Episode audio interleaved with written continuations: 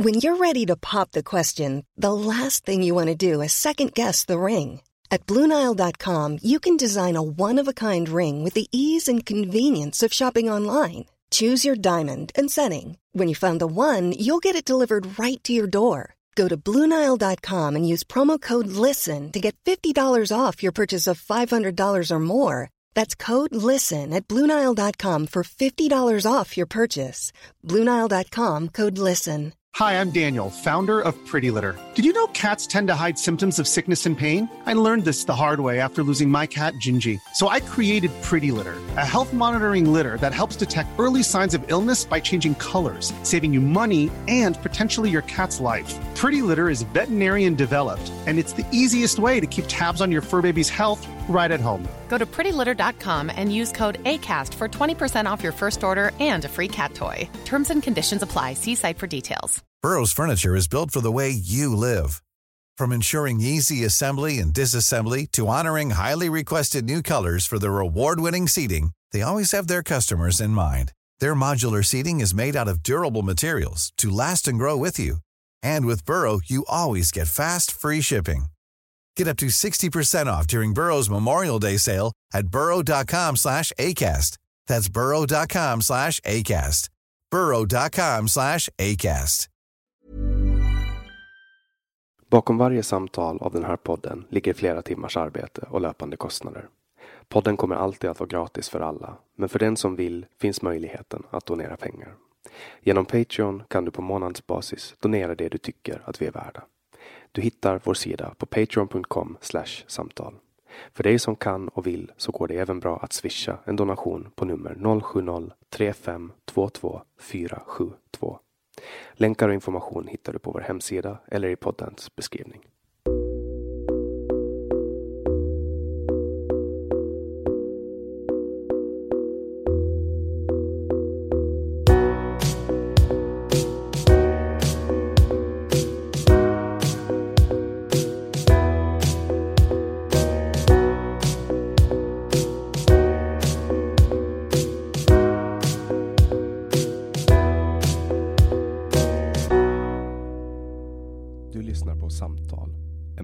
Podcast med fokus på fria samtal. Jag heter Jannik Svensson och producent för podden är Didrik Svan. Idén är att fokusera på fria samtal. Det här är ingen debatt eller någon form av duell där det finns en vinnare och en förlorare. Det här är ett samtal där vi lägger fördomar åt sidan och där målet är att minska polariseringen. Vi tror att öppenhet är grunden för det demokratiska samtalet och vi vill uppmuntra dig som lyssnar att välja att exponera dig för samtal med någon du inte håller med om, hur triggad du än blir. Vår podd består av långa samtal. Vi vill ha långa samtal eftersom vi då får chansen att verkligen gå in på djupet. Den här podden presenteras av Webax, hemsidor och innehåll. Mer om Webax kan du läsa på www.webb.ax, webb med två b. Jag heter Jannik Svensson och du lyssnar på podcasten Samtal.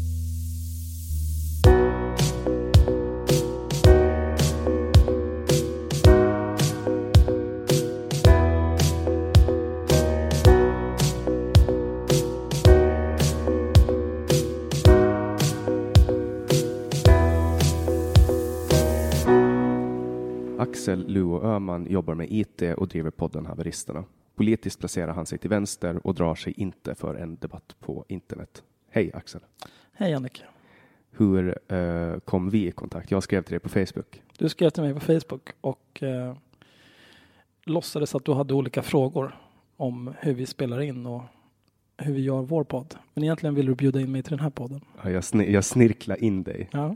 Eh, och jag har ju hört dig klaga på att ingen bjuder in dig till poddar. Har jag klagat på det? Jag har väl bara konstaterat det tror jag.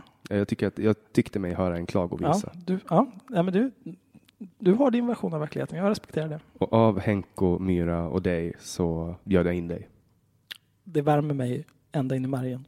Vet du varför jag bjöd in dig då? Nej, de andra två sa nej. De andra två, ingen av dem svarar på min vänfråga på Facebook. Så jävla drygt, eller hur? Det är ganska drygt. Ja. Men du vet hur det är. De är lite finare och lite bättre. Lite, lite finare än oss, Ja. oss arbetare. Men eh, haveristerna, det, alltså, haveristerna är väl en podd som placerar sig, det här är min uppfattning nu. Mm. Haveristerna är en podd som placerar till, till vänster på den politiska skalan, men ni attraherar ändå människor från högern att lyssna på er. Ja, det har väl blivit så framförallt den, de senaste månaderna när vi har gjort avsnitt om Linnea Claesson och Cissi Wallin. Eh, vi har ju en grupp på Facebook som jag med jämna mellanrum går ur för att jag blir så jävla förbannad på hur korkade de är. Och där har vi fått in ganska många sådana Sveriges-skåp som har en massa åsikter om Sver- Sverigevänner alltså. Ja, när man pratar om feminazister och skit. Och då, för, för att jag inte ska bli blo- postblockad i 30 dagar för 40 gången, då lämnar jag gruppen. Och sen kommer jag tillbaka några veckor senare när, när jag inte är rasande längre. För att du klarar inte av att hantera ditt, din, ditt ursinne när du väl blir arg på internet. Nej, nej, ja, ursinne och ursinne. Det är väl mer, jag tycker om att tala om för folk vad jag tycker om dem. Och eh, då brukar det bli då brukar det bli griniga anmälningar till Facebook. För jag tycker ju att det är så, de senaste två, tre dagarna när jag har varit runt i Sverige och spelat in så har jag pratat om haveristerna flera gånger. Och då har jag faktiskt hyllat ert sätt att prata om människor. Alltså just den här eh, iskalla, brutala sågningen. För att, för att ni avviker så mycket från det svenska sättet. Jaha, okej. Och jag tycker att det på något sätt ändå representerar någon form av eh, ungdomskultur. Även om, även om du, du är lite äldre än mig, du är 15 år äldre än mig. Alltså, ja, trevligt. Men, men jag tycker ändå att du på något sätt kapslar in den kultur som jag har, ja men typ lite 4chan slash Ja, bilkultur. det, det är nog sant. Men det har nog lite grann med att göra att eh, jag slutade väl utvecklas någonstans runt 20. och eh, när jag var 20 då, då var internet nytt och spännande. Jag och mina kompisar gick till Matrix i Hötorget och betalade 50 spänn i timmen för att sitta och spela CS och skrika åt folk. Ehm, och eh, någonstans där insåg jag att spela dataspel och hänga på internet och skälla ut folk som har fel, det är livet. Och och sen, sen- dess har du bara fortsatt med det. Sen dess har det varit en, en ständigt närvarande hobby. Och har du nå- någon, någon gång under den här utvecklingen eh, också, eller avstannandet av utvecklingen, också utveckla ett politiskt intresse? Det, det har jag nog haft eh, sen jag gick i gymnasiet som de flesta människor. Jag gick också i Södra Latin så det var extremt vänsterorienterat. Så det var där du blev radikaliserad? Precis, det var där jag blev vänsterextremist. Och du och, äh, klassar du dig själv som extremist? Eh, jag vet inte, av de som har kallat mig vänsterextremist, jag skulle gärna vilja att de nämner en enda sak jag har gjort som är extremt. Vi gör så här då, vi, vi googlar dig Ja, googla mig. så kollar vi. Axel Luo Öhman, eh, högst upp. Poddare dömd för Twitterhot mot sam samhällsnytt. Och sen har vi nummer två. Vänsterextremist döms för dödshot mot Samhällsnytts redaktion. Och sen kommer din adress upp. Ja, det är perfekt. Det är, det är perfekt ordning känner jag. Du någonsin, vad, vad var det som hände här då? Du, du är dömd för eh, Twitterhot. Ja, jag skrev på Twitter att eh, jag tycker att eh, Samhällsnytts redaktion är horungar och eh, de förtjänar varsitt nackskott. Och, och, och, och det anmäler de dig för. Ja. Och du måste gå igenom polisförhör och hela... Ja, jag var på förhör, det var rättegång, jag blev dömd. Jag fick inte resningstillstånd till, till eh, hovrätt. Och sen betalade jag böter så var det klart. Det blev en ganska eh, saftig böteslapp där. Ja, men vet du varför? Berätta. För att jag tjänar mycket pengar. Det är så. Nej, men det är ju, eh, dagsböter är ju inkomstbaserade. Minimibeloppet per dagsbot är 50 kronor. Ja. Eh, och sen så ökar det ju mer pengar man tjänar. Ja, såklart. Vi, har ett, vi har ett likadant system i Finland. Mm. Eh, men, men alltså, du menar ju, alltså, när, när jag, jag tänker mig så här att när man, eh, om du säger att någon förtjänar ett nackskott, eh, om man är invigd i den form av intern kommunikation som, som du har i din podd, så förstår man ju att du inte menar allvar. Mm. Och jag antar att du försökte dra det till ditt försvar. Jag skrev bara att det, det var ett konstaterande, varken en uppmaning till någon annan att göra något eller ett hot. Och eh, Mattias Albinsson, som var den som anmälde, eh, han sa också i- under rättegången, nej jag tror inte att han skulle göra någonting. Men sen så började han yra om att jag hade någon typ av svans och man vet ju aldrig vad de tar sig till. Okej, och det var så det, och det var, okej. Eh, och det här, det här kan jag tänka mig att de använder emot dig. Inte längre. Eller det finns säkert någon som skulle kunna tänka sig att ta upp det. Men jag har inte varit på Twitter på de senaste åtta månaderna. Sedan mitt konto blev blockat. Och du blev blockat i och med, i och med det här eller? Nej, det, var, det här var... Hela Samhällsnyttsgate, det var ju två år sedan. Mm, september 2018. Mm. Ja, det tog ett halvår innan det gick till. Det är ändå ganska snabbt för att vara en, alltså en, en rättsprocess. Jo, men det är ju ett otroligt viktigt fall. Det är klart det går fort. Ja, det är ju näthat. Det är väl det värsta som, som man kan utsätta en människa för idag. Ja, absolut. De, eh, Mattias Albinsson, när han eh, hörde av sig till polisen så var, var han gnällde extremt mycket om att han ville att det skulle provas om det här var brott mot, vad fan heter det? Mm, någonting. Brott Så- mot mänsklighet. Nej, men som, vet du vem Kamel Ryba är? Nej. Han är nazist. Han blev dömd i tingsrätt och senare friad i hovrätt för brott mot med någonting. Det handlar om att man, eh, det är typ att man är folkmördare. Varför ville han att du skulle bli dömd för det? För att ingen har blivit dömd för det sedan 50-talet, förutom Kamel Ryba som sen blev friad. Och det är så här, det är att man är en demokratifiende, man försöker förhindra den eh, fria pressen och så vidare. Det är liksom in, in i, i hela konceptet. För, för nu har ju du, eh, nu har ju du dragit skam över hela vänstern, för att nu är du en, en siffra i statistiken för brott som har ut, eh, hatbrott som har eh, gjorts från vänsterhållet. Hur känns det? Det bjuder jag så gärna på. det bjuder. Det är, jag har inga problem med det. Rent politiskt, då, var, skulle du, eh, var skulle du ställa dig? Ehm, Jag har alltid röstat på det alternativ jag tycker är minst sämst. För jag tycker att alla partier i Sverige är dåliga. Och vilket, vilket är just nu minst sämst? I senaste valet så röstade jag på sossarna. Men de är ju, de är ju rena högerpartier. Ja, det är ett bedrövligt jävla dåligt parti. men, du, men, men Vänsterpartiet då? är Inte Nej. de, Aldrig i livet. Nu, nu ska jag i och för sig kunna rösta på dem, men innan senaste valet så hade de inte gjort sig av med Amineh Kakabaveh. Och det finns inte en chans att jag röstar på någonting som har med henne att göra. och och var, varför är det så? Hon, hon är en clown bara. Mm. Du, sagt. du var på väg att säga någonting helt annat. Ja. Alltså det, är- det är helt okej att använda det språk som du använder i haveristerna. Jag sitter och skrattar åt varje avsnitt. Ja, men det är bra. Jag sitter och spelar WoW Classic och, och lyssnar på när ni Kan du spela Classic? Ja, men, alltså det är ju det bästa, det är ju det bästa versionen av World of Warcraft som någonsin har liksom släppts. Det var, det var ju liksom en så här spontan, det bara råkade bli bra. Det var typ som när världen skapades, det bara råkade bli bra. Spelade du för 15 år sedan? Ja, det gjorde jag när jag var ett barn. Du, du var 10 då? Ja, Ja, så du begrep ingenting av vad som hände? nästan inte. Jag, tog, jag kom typ till level 27 och sen stod jag bara och fattade ingenting. Jag, jag spelade extremt mycket för 15 år sedan. Så att jag känner mig väldigt klar med att raida Onyxia. Eh, men eh, jag spelar vanliga WoW, det, det tycker jag är kul. Mm. Du pratar ju nästan aldrig om det i haveristerna. De, de andra mobbar ju dig däremot. Ja. Men det är för att de har en massa andra åtaganden i livet och jag har inte det. Jag har valt det bästa livet. Du spelar, du spelar WoW, du näthatar och Ja, jag orkar knappt näthata längre för det, har, det har lite grann, det går i perioder. Det har lite grann förlorat sin charm. Eh, dels så har jag inget Twitterkonto sedan i somras. kan du inte bara starta ett nytt då? Nej, det gör jag inte. Om jag blir blockad på en plattform, då är det bra så. Då får det vara nog. Då kan den plattformen dra åt helvete. Men kommer du inte att få komma tillbaks någon gång? Eh, jag vet inte, jag tror inte det. Vad var det du skrev då? Som, Jag vet inte. Du bara blev blockad? Ja. Hur många följare hade du? Tusen kanske? Så det var, en, det var ju inte en enorm förlust. Nej, men jag har aldrig eh, haft aspirationer att ha många följare på Twitter till exempel. Utan, eh, det, det enda som intresserar mig är att om någon skriver någonting som är korkat och felaktigt, då vill jag vara där och kunna säga, hörru du, nu var du riktigt jävla dum. Är du en anhängare av den vetenskapliga metoden? Eh, ja, Är du eh, på något sätt religiös? nej. Så du är, du är en, vad blir det, ateistisk anhängare av, du är alltså en, en vetenskap och folkbildning person?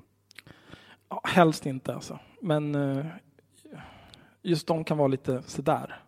Men eh, jag skulle säga, om man ska vara i ett riktigt bajsnödigt svar, då skulle jag säga att jag är en agnostiker som lever som en ateist. Och eh, den ideologi som du bekänner dig till, är det, har den något namn? Nej, det skulle jag inte säga. Typ jag, marxism? nej, absolut inte. Jag är, jag är inte tillräckligt beläst i marxistisk teori för att kalla mig marxist. Eh, jag, jag eh, tror på enkla koncept. Jag tycker att eh, vi ska ha en fungerande stat som tillhandahåller ett generöst socialt skyddsnät. Jag tycker att vi ska erbjuda avgiftsfri utbildning till folk. Jag tycker att eh, om man inte kan ta hand om sig själv så ska staten göra det. Och hur är det med till exempel um, identitetspolitik? Vad tycker du? Nej tack. Så du, du, du är till vänster men du gillar inte identitetspolitik? Nej, men det ändå röstar du på Socialdemokraterna? det känns ju... eh, Vad, ty, en- vad tycker du Socialdemokraterna har gjort som är identitetspolitiskt? Hela, hela Socialdemokraterna är ett stort identitetspolitiskt spöke. Ja, du menar arbetarklassen? Allt, alltså hela deras narrativ bygger på att eh, dela in människor i små kategorier för att sen förklara för dem att de är förtryckta och sen sälja sig själva som lösningen. Och det funkar för 80 år sedan, men det funkar inte längre. Det är Mm. därför alla Sverigevänner håller på att resa sig. Jo, men, men det är ju samma sak. Sverigevännerna håller ju också på med identitetspolitik. Jo, men de, har, de försöker foga in nationalism och det är det som Socialdemokraterna, jag ser ju det här från ett utomstående perspektiv. Mm. Jag sitter ju på en liten ö i Finland och, och tittar på hela kaka- kakafonikongressen dras av. Sen har jag bott här i Stockholm också, men eh, jag ser ju liksom att det finns en, en mellanlinje som ingen av de här två motpolerna diskuterar. Det finns, det finns liksom en, en, en del i mitten som är helt alltså en verklighet. Ja, du är någon slags smutsig centrist. Ja, centrist, alltså så länge det är så långt bort ifrån eh, Centerpartiet i Sverige så kanske... Ja, nej, men Centerpartiet är ju inte centrister. De är väl... Jag vet inte fan vad man ska kalla dem. Va- ja, de är bara någon Är det ens ett parti? Nej, jag tror att det är en samling personer som har uppslutit sig kring ett namn och inte riktigt vet vad de ska göra. Sankta Anni. Ja, men typ, de stöder en eh, socialdemokratisk vänster miljöparti regering utan att riktigt förstå varför och vad de vinner på. De får inga ministerposter eller någonting. Nej, det förtjänar de inte heller.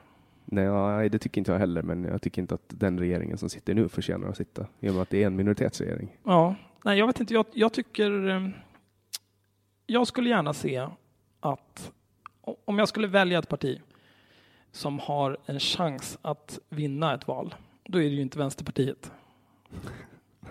För det går inte. Nej, de har ju, alltså, skulle man kolla på så här vilken eh, grad av ekonom, ekonomisk kunskap som finns i det partiet så skulle det ju scora i höjd med en dagisklass. Ja, men det, det är ju inte ens det, utan det är väl mer så här, har Vänsterpartiet en realistisk chans att få 25-30 procent i nästa val? Nej, det kommer aldrig ske.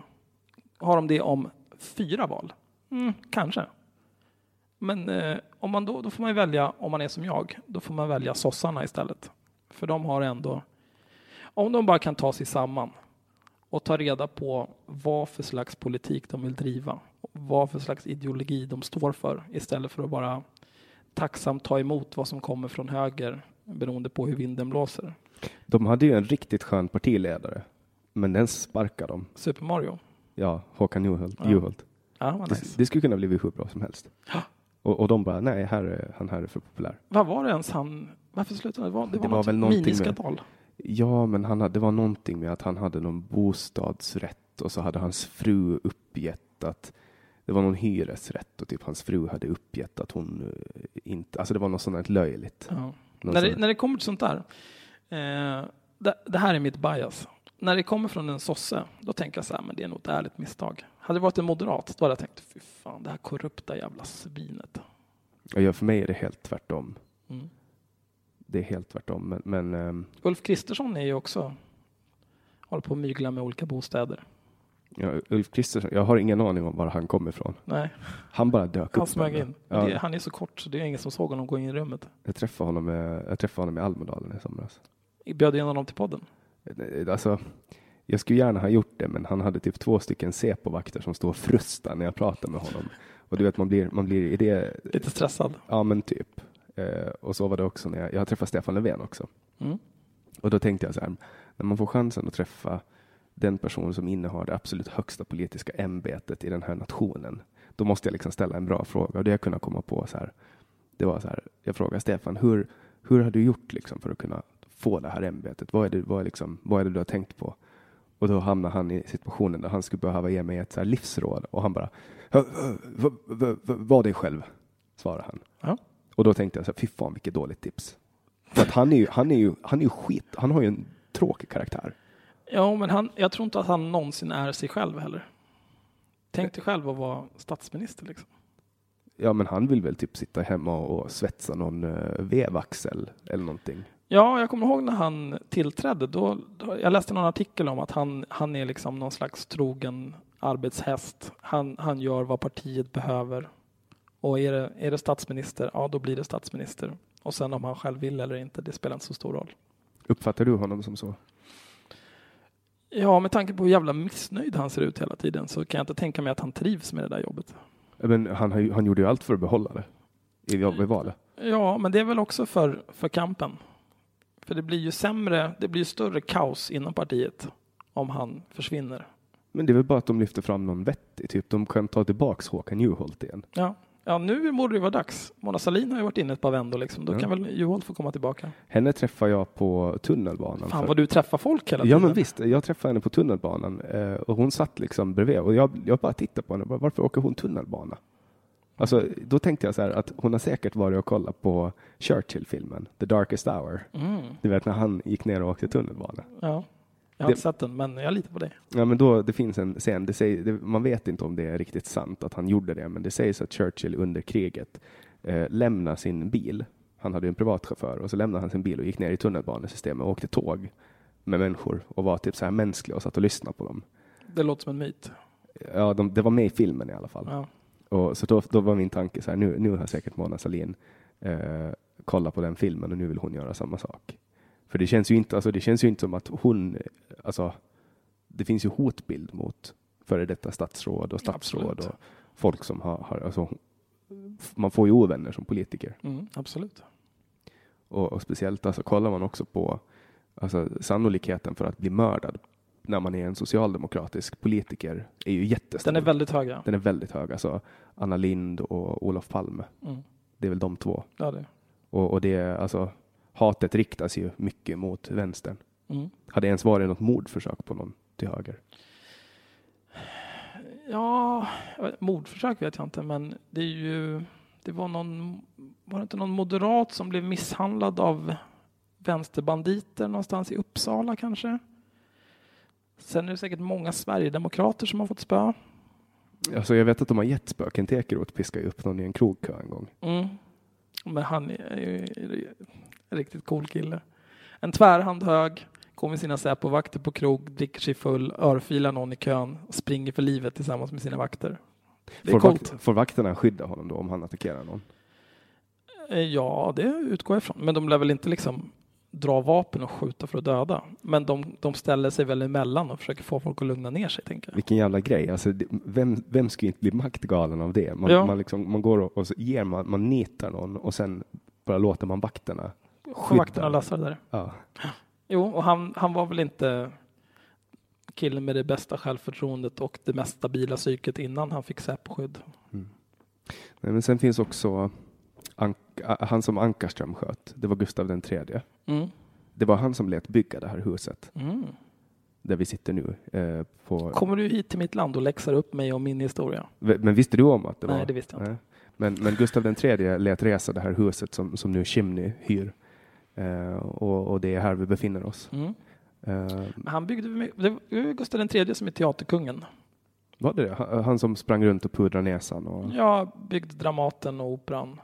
Jag, tror, jag, tror, det. Jag vet väldigt lite om svenska kungar. Alltså, för att alla har ju samma namn men olika siffror. Mm. Och hur ska man liksom komma ihåg? Många Gurra. Men du är inte royalist antar jag? Jag, jag är ganska likgiltig till monarkin. Eh, jag tycker att innevarande år, då kanske det kan vara dags att titta på en annan lösning. Typ att deplattformera Victoria och Estelle. Eh, vi tar Estelles ämbete från henne. Ja, ja, men hon klarar sig nog ändå. Sann, sannolikt. Plus att jag tror att vi skulle göra henne en tjänst. Uh, för jag menar, tänk dig att växa upp i det jävla kaoset. Och ha alla de förväntningarna på sig från den dag man föds. Mm. Att man måste hålla på och jobba med välgörenhet. man måste jobba med välgörenhet. Man måste vara representativ i alla lägen hela tiden. Man får aldrig ha roligt. Tänk dig, Estelle kommer aldrig kunna gå på en fest dricka sig snudd på medvetslös och bara kuka ur och börja kasta stolar omkring sig. Madeleine kan ju göra det. Ja, men, men Madde är ju, hon, står väl, hon är inte med i tronföljden direkt. Är det därför hon super tror du? och röker cigaretter. Gör hon det fortfarande? Jag, vet inte, jag kommer bara ihåg att Aftonbladet har postat bilder så fort hon har tjuvrökt med någon Säpo-vakt. Så har Ja, men det måste ju varit Hon är väl typ 35 nu? Fast man kan väl röka fast man är så. Jo, men det är kanske inte så urspårat längre. Jag har faktiskt, apropå det, jag har sett prinsessa Madeleine en gång. Jag har inte träffat henne som På- du på träffar alla hela På. Sturehov eller? Nej, det var faktiskt på ett hotell jag jobbade eh, för 20 år sedan. Där det var fest med överklassen och jag satt och, och vaktade. Så du, du var där och typ putsade folks skor Ungefär så. och bar ut räkcocktails. Ja. Vad- Hade du någon form av, av eh, verbal eh, kommunikation med? Nej, jag satt i receptionen. Hon kom gående med ett gäng väldigt stekiga killar och de var på väg därifrån. Okej. Vi tittade på varandra. Eh, jag ska inte säga att det fanns en gnista där, för det fanns det inte. Men eh, Men alltså om, om, om det räknas som att träffa, då skulle jag kunna dra upp en hel lista. Jag träffade Anna Kinberg Batra på ett hotell till exempel. mm, grattis. Här eh, faktiskt eh, vid Slussen. Nej, det var inte i Slussen utan det var vid Centralen. Eh, men men sådana så, såna som man bara har gått förbi. Men jag, jag tycker att det är kul med Stockholm. Jag bodde ju här i tre år. Men jag träffar aldrig någon politiker som jag tycker om. Det är aldrig så att jag träffar någon som jag, som jag skulle vilja träffa. Vilka politiker skulle du vilja träffa? Ja, men en, en politiker som jag skulle vilja träffa, inte för att jag håller med honom, men det är Carl Bildt. För att Ja. han, han är så jävla rolig. Jag är ett stort fan av Carl Bildt. Och, och det här måste jag säga, jag mötte ju faktiskt honom en Ja, gång. det är klart du gjorde det. Jag mötte honom när jag jobbade, jag jobbade på Ålandstidningen eh, och jag hade varit på ett, ett jobb eh, och så hade jag ett här anteckningsblock och en penna med mig. Och då var han på Åland och, då- och då i Mariehamn och så stod jag och tittade på honom. Men eh, han gav mig en sån blick så att eh, jag vågade inte gå fram till honom. Det var bara så här, jag vet hur elak han kan vara mot journalister. Mm. Du förstod att han var helt ointresserad av dig. Ja, ja, jag bara lämnade honom. Mm. Eh, Och sen, sen såg jag att, att det var en, en åländsk politiker som hade tagit en, en selfie med honom. Eh, och då kände jag lite att jag kanske borde... Men han ska jag vilja träffa. Men jag, de enda jag stöter på det är han här Morgan Johansson. har Jag träffade uppe i Götgatsbacken. Ja, det är inte så kul. Mött honom där. Och sen också han här Ygeman som blev sparkad. Ja, det är inte heller så kul. Han har jag träffat i den här sunkiga parken vid Medborgarplatsen där alla sitter och Björns trädgård. Nej, inte den utan den här som är i mitten av två hus. Eh, där det var en Bovills båge. Mm, Heter den så? Alltså Om du en, går från Medborgarplatsen mot Södra station. Ja, där det var en sjö förut. Det är Bovills båge. Ja, vad he, men det, he- det har en- ett namn, platsen. Nej, jag vet inte. Ja, skitsamma. Pundaparken. Ja, men där träffade jag Ygeman i alla fall. Och, eh, men det är aldrig liksom någon som man kan slänga i käft med, som Carl Bildt till exempel. Ja. Men skulle du vilja försöka ge dig in i någon slags eller käftslängare-tävling med Carl Bildt? Eh, alltså, jag skulle, jag, skulle inte alltså, jag skulle inte ställa mig i opposition till honom Nej. och vara på fel sida, men jag skulle gärna liksom mjölka ur honom lite roliga skämt, för jag kan tänka mig att han har mycket roligt att berätta. Typ Fråga som- honom om han har något livstips kanske. ja. Se om du får ett bättre svar än från Löfven. Ja, men men vad, vad finns det annat för, för sköna politiker i, i Sverige då? Eh, jag gillar Jonas Sjöstedt som person. Ja, han, han ska ju fly landet nu till ett kommunistiskt mecka. Mm. Ja, det undrar jag honom. Ja, han har ju han, han har ju sett hur, hur det inte har funkat att eh, genomföra den eh, proletariatets diktatur här i Mm. Sverige. Och det är väl lite tröttsamt kanske. Dags att testa någon annanstans. Ja. Vem, vem tror du blir deras nya partiledare? Jag har ingen aning. Rebecca och Fiona kanske? Jag vet inte ens vem det är. det är de här två eh, DJ-tjejerna. Jaha, Rebecca och Fiona. Ja. Ja, visst varför inte. Ska inte, De- vara, ska inte vara ganska kul? Det, ja, det skulle ju vara jävligt on-brand också. Ja, För, de, för både Vänsterpartiet och för dem. de ska ju locka till sig fler av det klientel de redan har. Fast finns det fler? Nej, det tror jag inte. Alltså, eller ja, jag vet inte. Alltså, när man går här på Södermalm så tänker man ju att det finns ju en hel del vänsterpartister. Jag vet inte om det gör det. Ehm, för på Söder, jag är ju uppvuxen på Söder vid Zinkensdamm. När jag var barn, då, eh, då var det ju fortfarande typ arbetarklasskvarter. Inte riktigt, men det var ganska äckligt liksom. Man kunde fortfarande byta en hyresrätt för 3500. Ja, det fanns hyresrätter fortfarande. Mm. Bara en sån sak. Eh, Men nu i, runt mina gamla kvarter, nu är ju i princip allting bostadsrätter. De har renoverat en massa, byggt någon äcklig galleria nere vid Hornstull. Eh, massa hipsterkrogar. Så jag tror, eh, känslan jag får när jag går där nu, att istället för liksom, okej men där är Bumpabärre och Steffe som alltid sitter utanför systemet och super dagarna i ända. Då är det liksom någon, någon designer från Örkelljunga eller någonting som har flyttat hit för att jobba och har en vidrig dialekt och är skitjobbig. Och sitter i polo och Ja, röker e-cigaretter. absolut. På en, 100 voi, på en voice-skoter. Ja, och har en basker i fickan som han inte vågar ta på sig för han har inte riktigt blivit den typen av douchebag än. Men han vill. Och de människorna, de är liksom de är intresserade av att priset på deras bostadsrätter ska gå upp. Så de, varför skulle de rösta på Miljöpartiet? Ja, I och för sig, de vill ha cykelbanor. Det är fan cykelbanor överallt i den här jävla stan nu. Ja, det är det. Och, och sen, men kollar man till exempel, jag, har, jag, jag valde att, att när, jag, när jag bodde i Stockholm med min fästmö, då valde vi att bo på Södermalm för att vi trivdes där. Och då var det så här, vi kunde betala 12-13 tusen eh, för en, en eh, hyresrätt i andra hand, Mm. eh, eller en bostadsrätt i andra hand. Vi hade både och. Eh, och få bo mitt i stan och ha liksom så här 10-15 minuter till jobbet. Eller så kunde vi bo typ i Vällingby för samma pris. Det skilde kanske en tusenlapp, men då fick man pendla i så här 35-40 minuter varje dag. Ja. Då är det mycket bättre att bo inne i stan. Det, det var liksom mitt sätt att se det. Men fick du inte mycket mer boende långt åt helvete? Ja, så säkert får man kanske ett extra rum. Mm. Men, men jag tycker att alltså, då får man ju samtidigt tillbringa extremt mycket mer tid på den här extremt överbelastade eh, tunnelbanan. Ja. Och det är liksom, det är vidrigt att, att stå där på morgonen och ha någon annan människas armhåla inne i, alltså tryckt mot slemhinnorna i näsan. Liksom. Mm, det är vidrigt. Och folk är, folk är så jävla korkade i tunnelbanan också. Det finns... Eh, förut så kunde man använda det för att känna igen folk som var liksom, turister eller bara bönder. Det finns ju vissa regler för hur man beter sig i tunnelbanan. Man står till exempel vid sidan om dörrarna när man ska gå på så att man släpper av folk som ska ut. När man har gått på så fortsätter man in i vagnen så att de som är bakom en kan fortsätta gå på och så vidare. Och om man ska nysa eller hosta då kanske man gör det i armvecket och inte rakt ut så man ger alla aids. Men folk, folk bryr sig inte Nej. det. Och det är alltså, det vidrigaste är typ, eh, ja men den här tiden alltså, vintern. Eh, nu är det ju inte så farligt, men när, det är, när, man, när man inte kan cykla ute och alla de här jävla cykelmupparna ska in i tunnelbanan på Mm. morgonen. Och så måste man, by, och, och, och, typ, och så måste man byta från, från röda till gröna eller tvärtom. Överlag åka tunnelbana är helt vedervärdigt. Det borde vara dubbelt mera tunnelbana Ja, än vad det är för att få plats med alla människor. För att det är, liksom, det är, det är 100% mera människor än vad det ska vara där. ja jag, jag tror ju mycket på svedjebruk. Eh, om det vore realistiskt så skulle jag nog rekommendera att bara bränna upp hela tunnelbanenätet och bygga ett nytt som är kanske någon som kan planera överhuvudtaget kan bygga det. Ja, alltså för, för man, man tänkte ju inte kanske direkt från början så här, hur, hur, att, att Stockholm skulle utvecklas på det sättet som det gjorde när man byggde. Det var Slussen som var första Mm. Slussen in till Centralen eller någonting. Alltså det, det, det ser man ju också, de misslyckades ju med att, att, att tänka hundra år fram i tiden.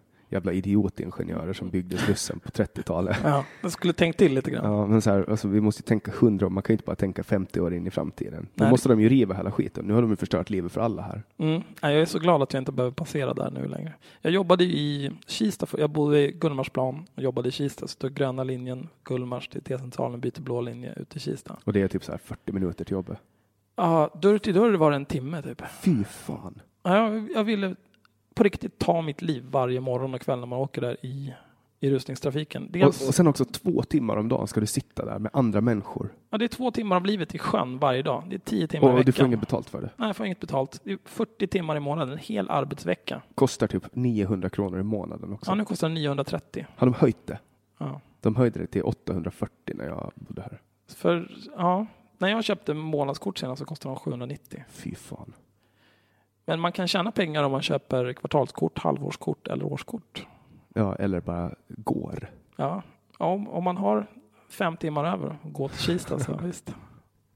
Vad gjorde du i Kista? Du, eh, Jobba med data. du jobbar med data. Mm. Du jobbar med IT och det, det vet man ju om man har lyssnat på din podd. Har man lyssnat på fem minuter av haveristerna så har man förmodligen tillgodogjort sig att jag jobbar med data. Hur länge har du jobbat med data? Eh, Det beror lite grann på hur man ser det, men eh, man kan säga tio år. Och, och du jobbar med, jag, jag kollade din LinkedIn snabbt och, och notera att, att du har bytt jobb ganska ofta. Mm. Tycker Va- du? Ja, vad beror det på? Ehm, För jag, jag blev och funderade så här, för jag tänkte så här, varför har han bytt jobb så ofta? Är han en skitjobbig jävel som folk inte tycker om? Men jag, jag kunde ändå konstatera att du har fått fast anställning. Du har liksom passerat sex månaders gränsen.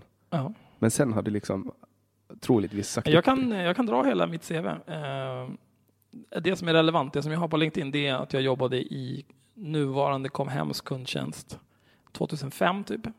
Och du mördar ingen? Jag mördar ingen. Eh, Men jag har jobbat med liksom i serviceyrken hela mitt liv. Eh, Café, restaurang, kundservice, support. Trots att du hatar människor? Ja, eh, hata människor det är ett starkt ord. Jag, jag, jag hjälper gärna människor, men jag, jag kan lätt bli irriterad när folk beter sig illa på olika sätt och vis. Men sen så är jag också eh, försöker vara någon typ av professionell så att man får liksom ta på sig ett serviceansikte vad som än händer. Du kör liksom den passivt aggressiva stilen istället? Ja, mer den passivt passiva stilen. Man, bara, man låter folk, om någon blir upprörd, då väntar man bara. Tittar på dem. Tills de är klara med sitt gnäll. Och sen kan man liksom börja lösa problemen. Aha. Det låter ju som en ganska bra grej. Ja. Men efter eh, det där, 2010 tog jag tag i mitt liv och började plugga. Då gick jag en tvåårig yrkesutbildning. Första året så var det tre månaders praktik som jag gjorde på Universal Music. Och då läste du IT, antar jag? Ja, det var i slutet av första året. Plugga data. Vad för form av IT? Typ eh, Microsoft Data. Okej, ö- skitdåliga Microsoft-servrar istället för Linux. Ja, precis. Fy fan vilket dåligt val. Ja, det var dumt. Du borde, ha- du borde ha tagit Linux istället. Nej, fan, det här är asnice. Problemet med det där är ju eh, det finns fantastiskt mycket mer Windows-maskiner i världen än vad det finns Linux-maskiner. Och de som kan Linux, det är, liksom, det är folk som har bott i en källare hela sitt liv, eh, har väldigt mycket skägg på halsen. Och de är bättre på Linux än vad jag någonsin skulle kunna bli, även om jag hade ambitionen och förmågan. Eh, Så det är ingen idé att försöka ta sig in i det, om man inte liksom är ett neckbeard sen födseln. Nej, men det är väl typ som att det där är väl typ som att man borde gå tillbaks och så borde man göra om hela världen till Linux. Typ Mm. som att man borde gå tillbaks till franska revolutionen och göra om att det blir 100 sekunder istället för 60. Vad var det för jävla idiot som kom på att vi ska ha 60 sekunder? Det är ju det dummaste jag har hört. Men det är väl helt okej? Men det är ju hur dumt som helst. Är det här någonting du tänker på på daglig basis eller? Det händer att jag tänker på det. 60, vadå 60 minuter? Det kan vara 100 istället. Och 100 sekunder. Men, skulle men hur ska du göra om resten då? Nej, men, man, Hur många timmar blir det på en dag? nej, men det, det blir lika många, 24 timmar. Men, men de är 100.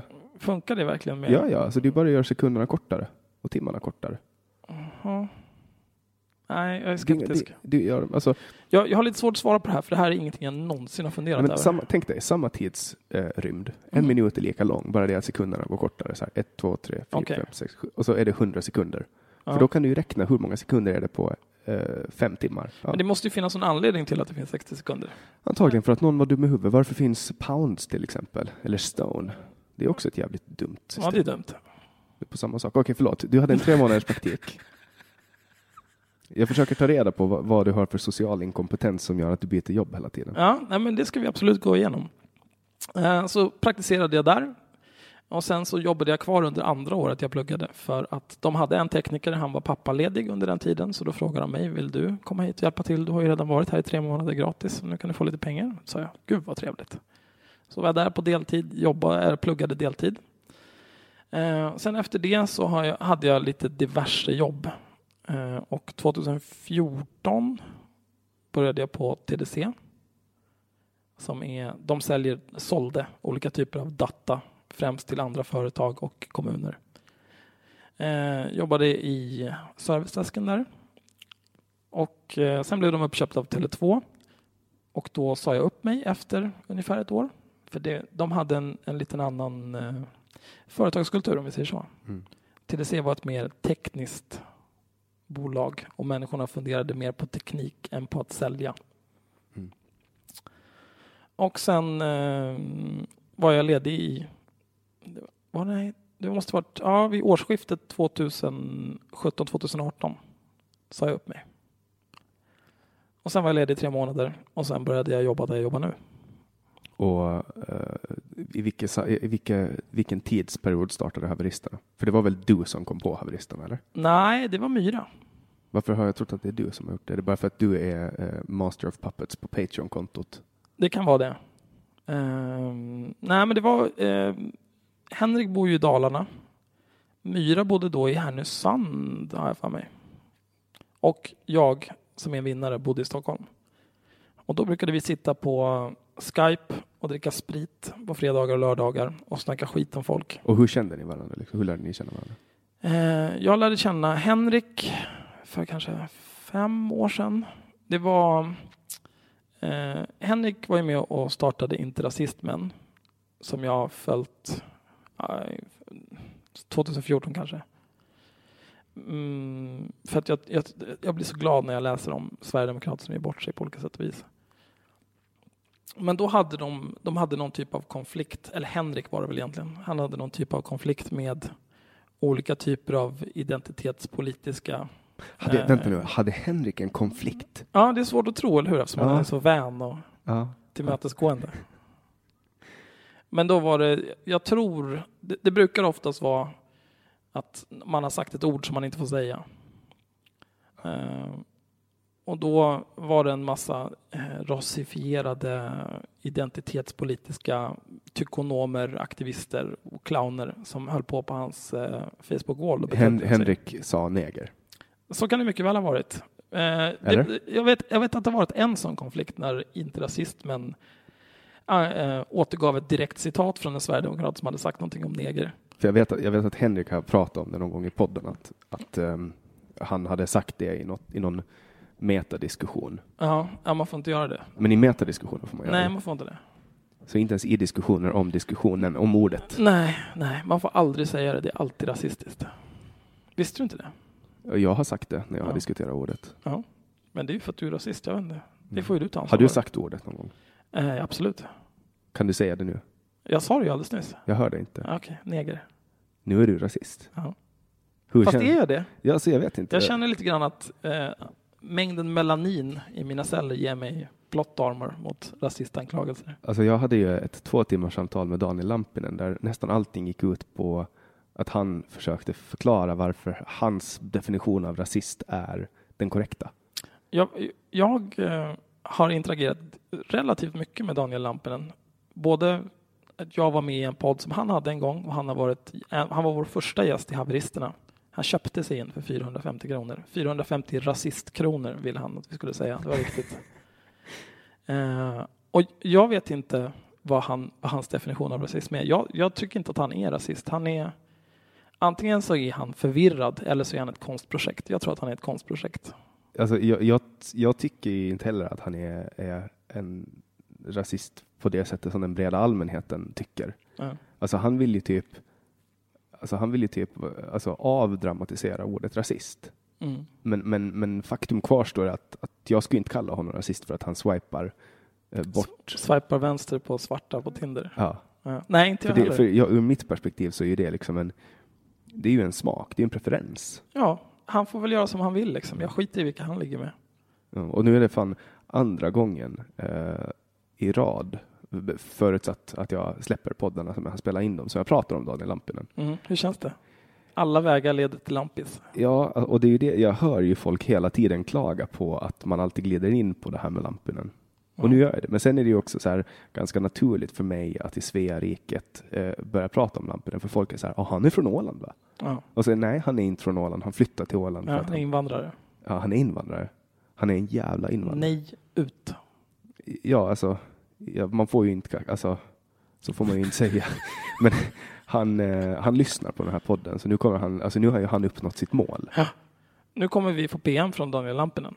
Ja, han kommer att skapa någon grupp. Men, men jag frågade faktiskt Daniel Lampinen om hjälp häromdagen. Mm. Jag ville komma i kontakt med Dan Park. Mm. Eh, och eh, det gick inte för att Dan Park sitter i fängelse. Gör han? Ja. ja. Han har ju klistrat upp någon rasistisk lapp. Han är ju rasist jag vet, Dan Park är väl bara en pundare. Men vadå, han, han är väl dömd för hets mot folkgrupp? Jo, men det är liksom, finns det någon djupare ideologi bakom det än att han liksom bara är en, en samhällsparasit som inte har gjort ett hederligt handtag på över 20 år och så tycker han om att göra olika typer av kantiga klibbor som han sätter upp på olika ställen. Ja, men han har ju blivit dömd för hets mot folkgrupp. Om han har blivit det, jag är inte säker. Vet du? Ja, jag tror att han har blivit dömd för hets mot folkgrupp. Mm, och då är man flest rasist. gånger av alla i Sverige. Och då är man rasist? Eh, jag, vet inte, jag har ingen riktig åsikt. Jag, jag, behöver nog mer kontext innan jag säger någonting. Alltså, jag, jag, jag, vet inte, jag tänker så här, blir man dömd för hets mot folkgrupp, då har man, då har man varit rasistisk. Jag skulle säga att om någon har blivit dömd för hets mot folkgrupp så skulle jag vilja läsa domen innan jag Ja, bestämmer ja, okej, om du, är jag tycker. jävla, du är så jävla vettig. Ja, nej, Jag- förlåt. Jag trodde att du skulle eh, raljera mera. Nej, jag, tycker, jag, jag är inget stort fan av hets mot folkgrupp faktiskt. Ehm, för att jag tycker, låt folk säga vad fan de vill, men de får ju vara beredda på att ta konsekvenserna också. Mm. Tycker, du att, eh, tycker du att den lagen borde tas bort? För min del kan den göra det, men, men jag påverkas inte av sånt där. Jag, det, det hände faktiskt en grej idag. Eh, eftersom jag är ju jag är 40, ehm, jag jobbar med data och så vidare. Jag lever ett otroligt svennigt liv. Så rasism är inte någonting som, som eh, sker mig. Det är kanske en, när jag hade Twitter så var det mycket olika typer av anonyma konton som hade åsikter. Men nu när jag inte har Twitter längre så har, ju, har det helt försvunnit och min livskvalitet har förbättrats avsevärt. Och nu märker inte jag av det där så mycket. Men jag var på eh, Gyllene Måsen idag och åt eh, flottburgare eftersom jag hade bråttom från ett möte. Och då, medan jag stod och väntade på min mat så kom det in en snubbe som, eh, jag, jag vet inte om han var pundare, men han betedde sig som en pundare. Alltså han var typ så här stissig och nervig och typ ja, men det var mycket sig. om sig och kring sig. Och han var jobbig.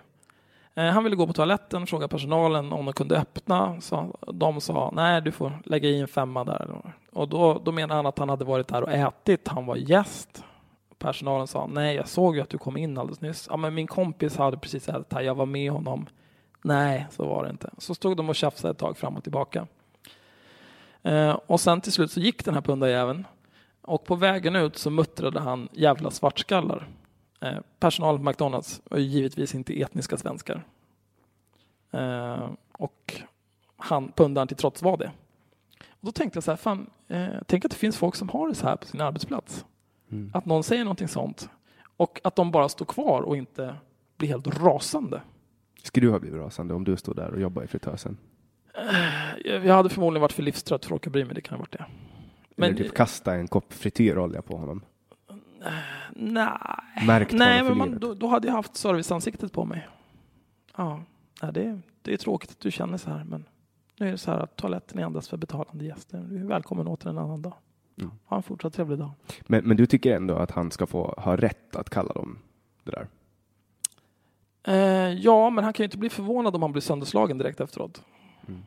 Men så funkar ju inte samhälle. Här ska, man ju, här ska det ju liksom gå, men det ska vara en polisutredning, han är oskyldig tills motsatsen är bevisad. Och så ska det vara en rättegång och liksom. Ja, nej, men det, Så det, funkar ju systemet, men, men det är ju ett, alltså i min värld så är det ju lite bättre om, om man får lösa sina konflikter på plats. Jag kan tycka det. Men samtidigt så är det ju också... Eh, jag säger ju inte... Att säga att han av någon anledning hade kallat mig för jävla svartskalle, då hade jag bara skrattat åt honom. Eh, men jag kan tänka mig att det finns andra som inte är liksom lika obrydda inför sånt där. Eh, som kanske tar illa vid sig och tycker att det är jobbigt. Och sen handlar det inte bara om rasism. Det är ju homo och transfobi och så vidare. Och det är islamerna och allt möjligt skit. Är judarna. Och judarna. Det är typ Det, är ju, det var ju en av sakerna som Dan Park gjorde. Han, la, han satte upp behållare som han hade skrivit cyklon B på utanför judiska skolan tror jag. det är ju helt sanslöst. Ja, Alltså det är, det är fruktansvärt osmakligt. ja, Och han tycker att det är konst, eller? ja, jag antar det. Det är ju vidrigt. Ja. Men jag, vet inte, det, jag känner samma sak där. Det är liksom, du, du, du har bara hål i huvudet för att du har liksom pundat sönder dig själv. Du, du är helt värdelös och så går du omkring och beter dig på det här viset och liksom blir dömd gång på gång på gång för samma sak. Men alltså ser han sig typ som Lars Vilks? Nej, det tror jag inte. Vad tycker du om Lars Vilks då? Eh, jag tycker att eh, Lars Vilks kan ju inte bli förvånad över att islamister världen över vill döda honom. Men samtidigt så är det ju självklart att vi ska betala för dygnet runt Säpo-skydd till honom så för att se till att han inte blir mördad. För, för han väcker ju mycket åsikter. Ja, men det är ju det är nog bra åsikter att väcka. Även om jag kan känna så här. Eh, om, om, jag vill, eh, om jag vill göra en rondellhund av Mohammed, då ska jag kunna göra det och det ska vara tyst. Men samtidigt, om jag gör det, då kan jag ju inte bli förvånad om det kommer folk och vill mörda mig. För det är så verkligheten ser ut. Man kan liksom hålla på och prata om att ah, vi ska absolut yttrandefrihet, man ska kunna göra och säga precis vad man vill. Men man måste också anpassa sig efter verkligheten. Ja, så det kommer ju att väcka reaktioner. Ja, det kommer förmodligen att få konsekvenser om du gör någonting riktigt, riktigt konstigt. Alltså det här är så roligt så jag tänker, jag tänker ta en bild på det och lägga upp på Patreon för att du sitter, du har med dig tio burkar snus Mm. eh, och du har redan snusat upp två burkar. Nej, men det, ja. Så det, är liksom, det står en stock och sen står det två burkar liksom bredvid som du Ja. har tagit ut ur. Men en var nästan tom och så tog jag en ny ur stocken och så flyttade jag över de som var i den gamla. Det, det är en process. Jag tror att du snusar typ en burk i timmen. Ja, det, Eller en- det är nära på. En burk i halvtimmen. Det, det, det, jag köper det. Jag köper det. Det är väldigt svenskt. Ja, någonting måste man ju göra. Ju, man får ju ha så få laster i det här livet. Snuset och alkoholen, Snuset och alkoholen. Vad tycker du om andra droger då? de är inte för mig. Men du har testat dem? Mm, eh, jag har rökt cannabis. Det är det enda. Och, och det får man ju inte prata om i det här jävla landet. Nej, det får man inte göra. Vet du vad som hände för mig när jag pratade om Nej, vad händer då? Alltså, Jag skojar om droger. Mm. Och det här pratar, alltså nu, nu, nu är det liksom lite symptomatiskt för att eh, nu prat, jag har pratat om det i flera andra poddar och de har inte släppts ännu men eh, jag berättar bland annat för, för Henrik Jönsson vad som hände när jag skojade om droger under valrörelsen på Åland. Och, och det var ju att jag fick ett mediedrev på mig. Så här, jag, jag hade liksom ett internskämt tillsammans med en, en tjej som jag hade producerat en podd åt. Och så var det en person som hörde det här. Han var på fel plats vid fel tillfälle och så eh, vantolkade han ett uttalande. Och i och med att jag då var, jag blev invald som reserv i vårt parlament. Eh, och, och, då, och då blev det en grej att jag skojade om droger för att jag var ju politiker och det får man inte göra. Man får inte skoja om droger. Vad var skämtet då? Alltså, ehm, det var typ att vi höll på att prata om veckans knarkare och det var liksom ett internskämt som hade kommit upp i en annan podd eh, någon vecka innan. Och, och jag liksom förlängde det här skämtet som vi höll på att prata om och den här killen kom in i sammanhanget utan att, att förstå internskämtet och då skojade jag till honom och när han frågade mig varför han skulle rösta på mig och vi var liksom inne på det här skämtet om veckans knarkare så sa jag för att jag gillar droger. Och det var skämtet, det var inte ens roligt. Mm. Och Men det, ja, så fick man inte säga. Nej, jag fick ett drev på mig och det roliga också är att, att jag dricker inte ens alkohol. Liksom. Ja. Eh, och det var också det som var, en, det var liksom kärnan i skämtet. Är att det finns ingen människa som använder så lite droger som jag. Mm. I och med att jag inte använder någon drog överhuvudtaget. Ja. Och, och då hamnar jag under den här bulldozern. Vad kul för dig. Ja, jag fick känna mig som Fredrik Virtanen. jag kan tänka mig, ja, det var, alltså, det var ju inte av den, det var inte av den eh, kalibern, men det, det är inte så kul att ha en, ett drev liksom. Nej, det är inte jätteroligt. Men du- det, det är mer för att det tar ju tid från allt annat. Ja, alltså telefonen glödde. Jaha, det var så till och med? Ja, ja, det var ja. inte bara att de, de skrev elaka saker om dig på internet? Nej, nej, det, alltså telefonen glödde och det var liksom alla ville, alla ville ha uttalanden och sen gick de till andra människor och tog uttalanden om mig där folk liksom fick fördöma mig. Oj, Och det, sånt. det låter som att eh, det är psykotiskt på Åland. Ja, men det, det är typ som, alltså, det är typ som här i Sverige. Mm. Men liksom- här, är, här finns det väl folk som pratar om att vi, Hanif Bali vill väl legalisera cannabis? Alltså alla, alla i Moderata ungdomsförbundet är väl för. Mm. Och Centerungdomsförbundet och Liberalernas ungdomsförbund och SSU. Alltså, Jag tycker vi ska göra det. Det är bara att göra precis som med alkoholen. Fixa knarkbolaget. Mm. Jag har ju, en, jag har ju en, en, ett namn för det i Finland i alla fall. Vet du vad systemet heter i Finland? Nej, Alko. Och då ska man döpa det till narko. narko. Ja. Perfekt. Och så ska det vara en grön, alltså det var alko och så är det en röd ring runt. Och då ska det vara narko och så var det en grön ring runt. Mm. Perfekt. Ja, men jag gillar det. Perfekt. Men, men det är alltså, jag tror ju att, att de sista länderna i hela världen eh, att på något sätt förändra narkotikalagstiftningen till det mer liberala hållet, det är Sverige och Finland. Ja, det kan jag tänka mig. Jag tror att de är absolut sist. Men är det... Nu, jag är inte rasist, men eh, i Finland, är, är, de, är man inte mer för alkohol än knark där? Alltså, jag tror ju att, alltså, det är klart att man har en, en, en destruktiv alkoholkultur, men kolla på alla länder. Alltså om du pratar om en amerikan kommer hit till Sverige, då tycker de att svenskar dricker mycket. Mm. Om en amerikan kommer till Danmark, då kommer danskar dricka mycket. Och åker de till Finland, så, så, där- så där säger man om alla nationer. Och slaver till exempel, och balter och ryssar. Och, Mm. man säger de enda som egentligen inte dricker mycket är amerikaner. Och det är för att de har så mycket annat. Liksom. Amfetamin, Ja, men amfetamin och, crack. ja, och allt möjligt som de har i sitt land. Mm. Och sen har de inte samma kultur heller. Vi har ju någon så här ölkultur. Sen, sen också, mm, ja alltså, jag tror bara, jag tror bara att det här, när, när det sker dock, eh, för att kollar man nu på den trenden som går i olika länder så kommer det ju att, att alltså, det, det håller på att bli mer och mera. Och men när det sker här i Sverige och Finland, då tror jag att det kommer att hända att alla vänder samtidigt. Och så låtsas man som att det alltid har varit så. Mm. Jo, det är klart. För så är, Och, och alla kommer försöka ta åt sig äran. Ja, om, om det visar sig vara bra. Nu vet jag ju inte om, om utfallet är bra. Det finns för lite forskning på, på just det området. Jag förhåller mig, jag förhåller mig tveksam till att, att eh, överhuvudtaget bilda mig en, en uppfattning eh, förrän jag liksom har sett med egna ögon. Mm. Alltså som att eh, ett exempel på det här med så att man måste se saker med egna ögon att jag har inte varit i Malmö på tio år. Och nu för, jag kom, kom hit till Stockholm från Malmö i, igår. Och så här, min, min bild av att vara i Malmö var innan jag åkte dit, typ som de här nyhetsinslagen från Afghanistan. Jag var trodde att du skulle dö. Ja men typ att det kommer en pansarvagn körande. Mm. Eller det heter inte pansarvagn, stridsvagn heter det.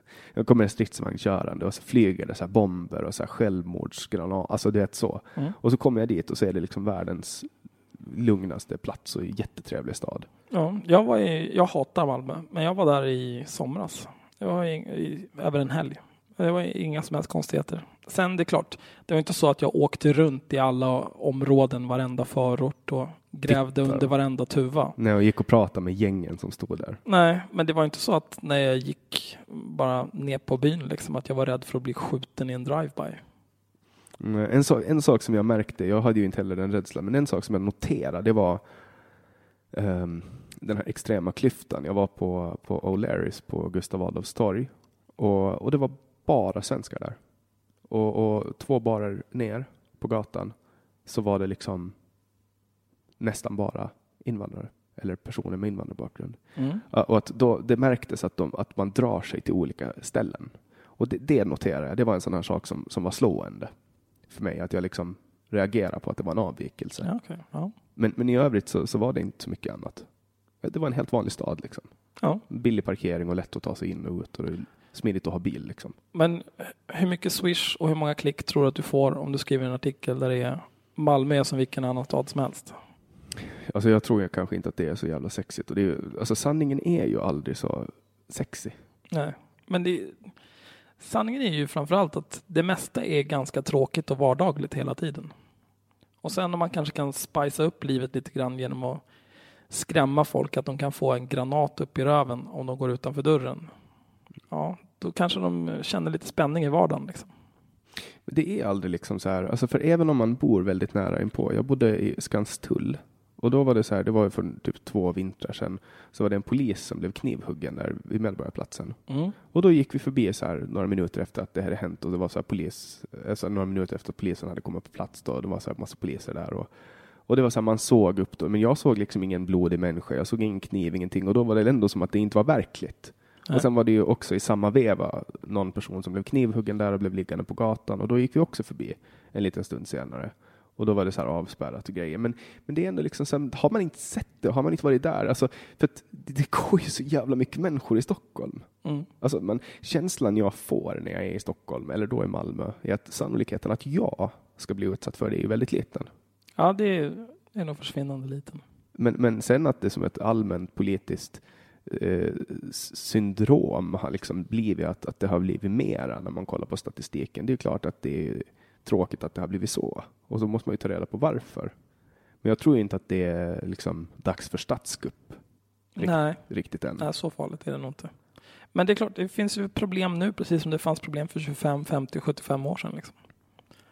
Och, men problemet är ju att de som grinar mest, de har ju inga lösningar. Ja, alltså, och de lösningarna de presenterar, det är ju lösningar som inte kommer att ske.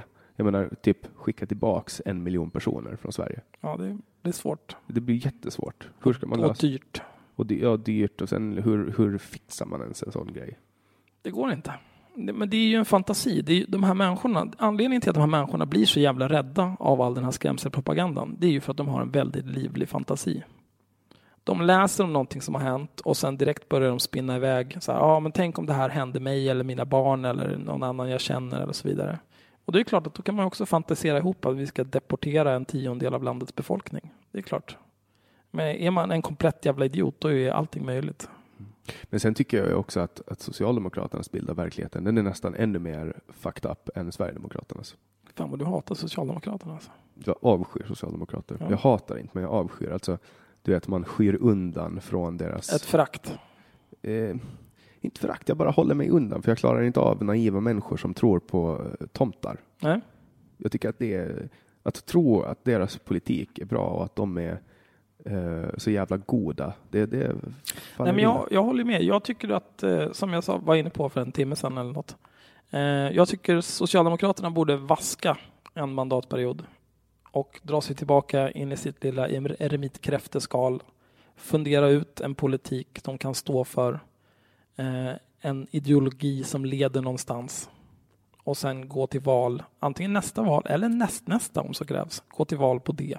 Mm. Jag tycker att Miljöpartiet skulle kunna bara hamna på 3,99. Miljöpartiet kan dra åt helvete. Då- För de är, det, är alltså, det finns inget värre parti än Miljöpartiet.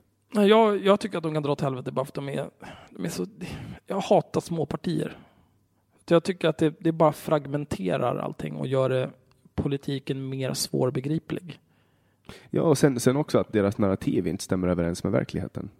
Det funkar inte så. Alltså, de tror på riktigt att de räddar klimatet när de... När de Plastpåseskatten. plastpåseskatten, elcykelsubventioneringen, flygskatten.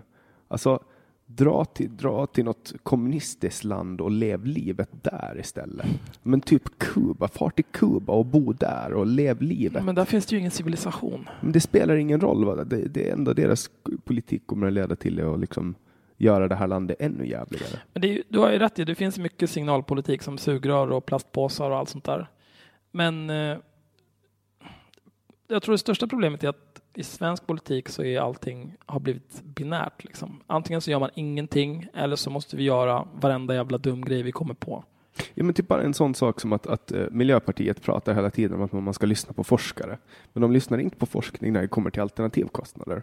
Typ vad man skulle kunna använda. Alltså om man verkligen, om, om målet är, man har en, eh, ett nyckeltal och nyckeltalet är koldioxidemission och eh, man vill få ner så mycket koldioxidutsläpp som möjligt så kan man välja att investera i en viss teknik i ett annat land till exempel för, Mm. att, för att stävja deras eh, användning av till exempel kolkraft. Eller så kan man välja att subventionera elcyklar till rika miljöpartister så att de ska kunna åka från Tanto till sitt jobb eh, i Vita bergsparken. Liksom. Man får väl pengar, om, pengar, till- pengar tillbaka om man köper en Tesla också. Eller Mm. har de slutat med nu? Och, det tycker, och det gynnar ju överklassen, så Ja, det, det tycker jag, det tycker jag är helt okej. Mm. Men jag, jag tycker också det faktiskt. Jag är ju, även om jag är, eh, jag skulle vilja vara vänster, men jag är ju nödd och tvungen att vara till viss del höger eftersom jag är, dels är höginkomsttagare och även egenföretagare och entreprenör. en, en, material, en materialistisk marxist. Oj, det var hårda ord. Materialistisk maoist. Ja. Ja, nej, Eller en sakorienterad Det har- stalinist. Det har blivit att jag pendlar lite grann, alltså från minut till minut mellan Ayn Rand och Stalin. Vem skriver bäst böcker då? Ayn Rand eller Stalin? Eh, jag har inte läst någonting av Stalin. Jag faktiskt. tror inte att Stalin har skrivit någon bok faktiskt. Nej, Jag undrar om han ens kunde läsa. det kunde han nog. Tror du det? Ja. Men har du, le- har du läst någon Ayn Rand-bok? Jag började läsa The Fountainhead. Eh, men jag, jag läser vanligtvis bara fantasy och science fiction. I och för sig passar väl in på båda, men eh, riktig fantasy och science fiction där det är liksom space operas och sånt där. Det tycker jag är mer intressant än något så här eh, det, det, var, det, det lilla jag läste, det var inte jättebra. Hur långt läste du då? Jag vet inte, kanske hundra sidor. För, för att grejen med Ayn Rands böcker är också att de blir bättre. Mm. Eh, alltså när man, man undrar i början varför man sitter och plågar sig igenom dem för att det är lite svårt att förstå konceptet. Det är typ som ehm, det är typ som att hoppa från World of Warcraft till Dota. Man förstår inte var, varför man, alltså man, det är en, ett fundamentalt skilt spelbräde. Det är en helt annat sätt att tänka liksom.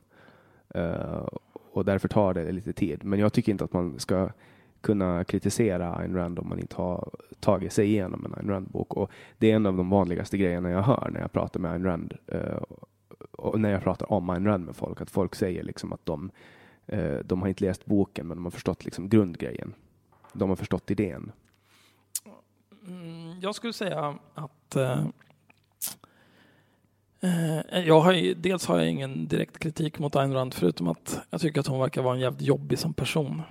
Eh, men sen konceptet som jag har förstått det är den här, någon slags övertro till den magiska entreprenören. Mm, jag, skulle jag skulle mena säga att det är en, en slags övertro till eh, sig själv. Mm. Att, man, att man ska göra det som själv faller en i smaken. Man ska liksom inte leva sitt liv för någon annan. Det, jag tror att det är mer det det handlar om. Och, och den praktiska tillämpningen i eh, affärsvärlden så blir ju entreprenören. Mm. Men, men sen är det liksom, och, och Fountainhead är lite speciell på det sättet att den cirkulerar kring en karaktär där hon har porträtterat det hon anser att det, den, idea, den ideala människan. Och, och då när man läser den som en roman första gången så förstår man inte riktigt varför Howard Rourke gör på det sättet han gör. Men andra gången man läser den, då fattar man att ja, okej, nu, nu, nu, då börjar man hålla med om beslutet. Man ska behöva läsa det flera gånger alltså. Ja, två gånger minst.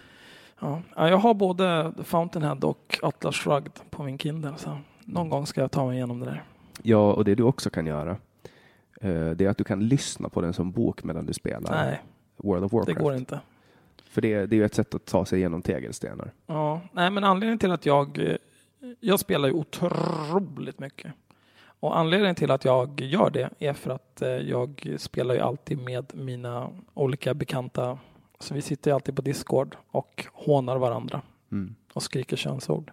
Och då går det inte att ha Ayn Rand igång i bakgrunden för då kommer jag tappa förståndet. Jag brukar lämna min guild eh, tillfälligt och, och lyssna på poddar eller ljudböcker Mm.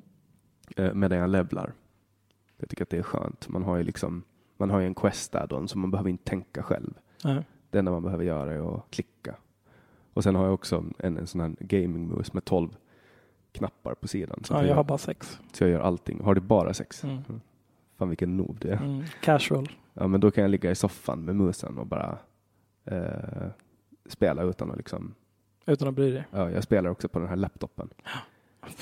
Ja, okej. Så jävla bra. Mm. Ja, det ser jättebra ut det där. För 15 år sedan när man måste, när man måste ha en, en dator och så måste den starta och det tog typ fem minuter och så blev den disconnectad. Alltså, livet är så jävla mycket bättre nu. Ja, vadå? Det är bara att köpa en riktig dator.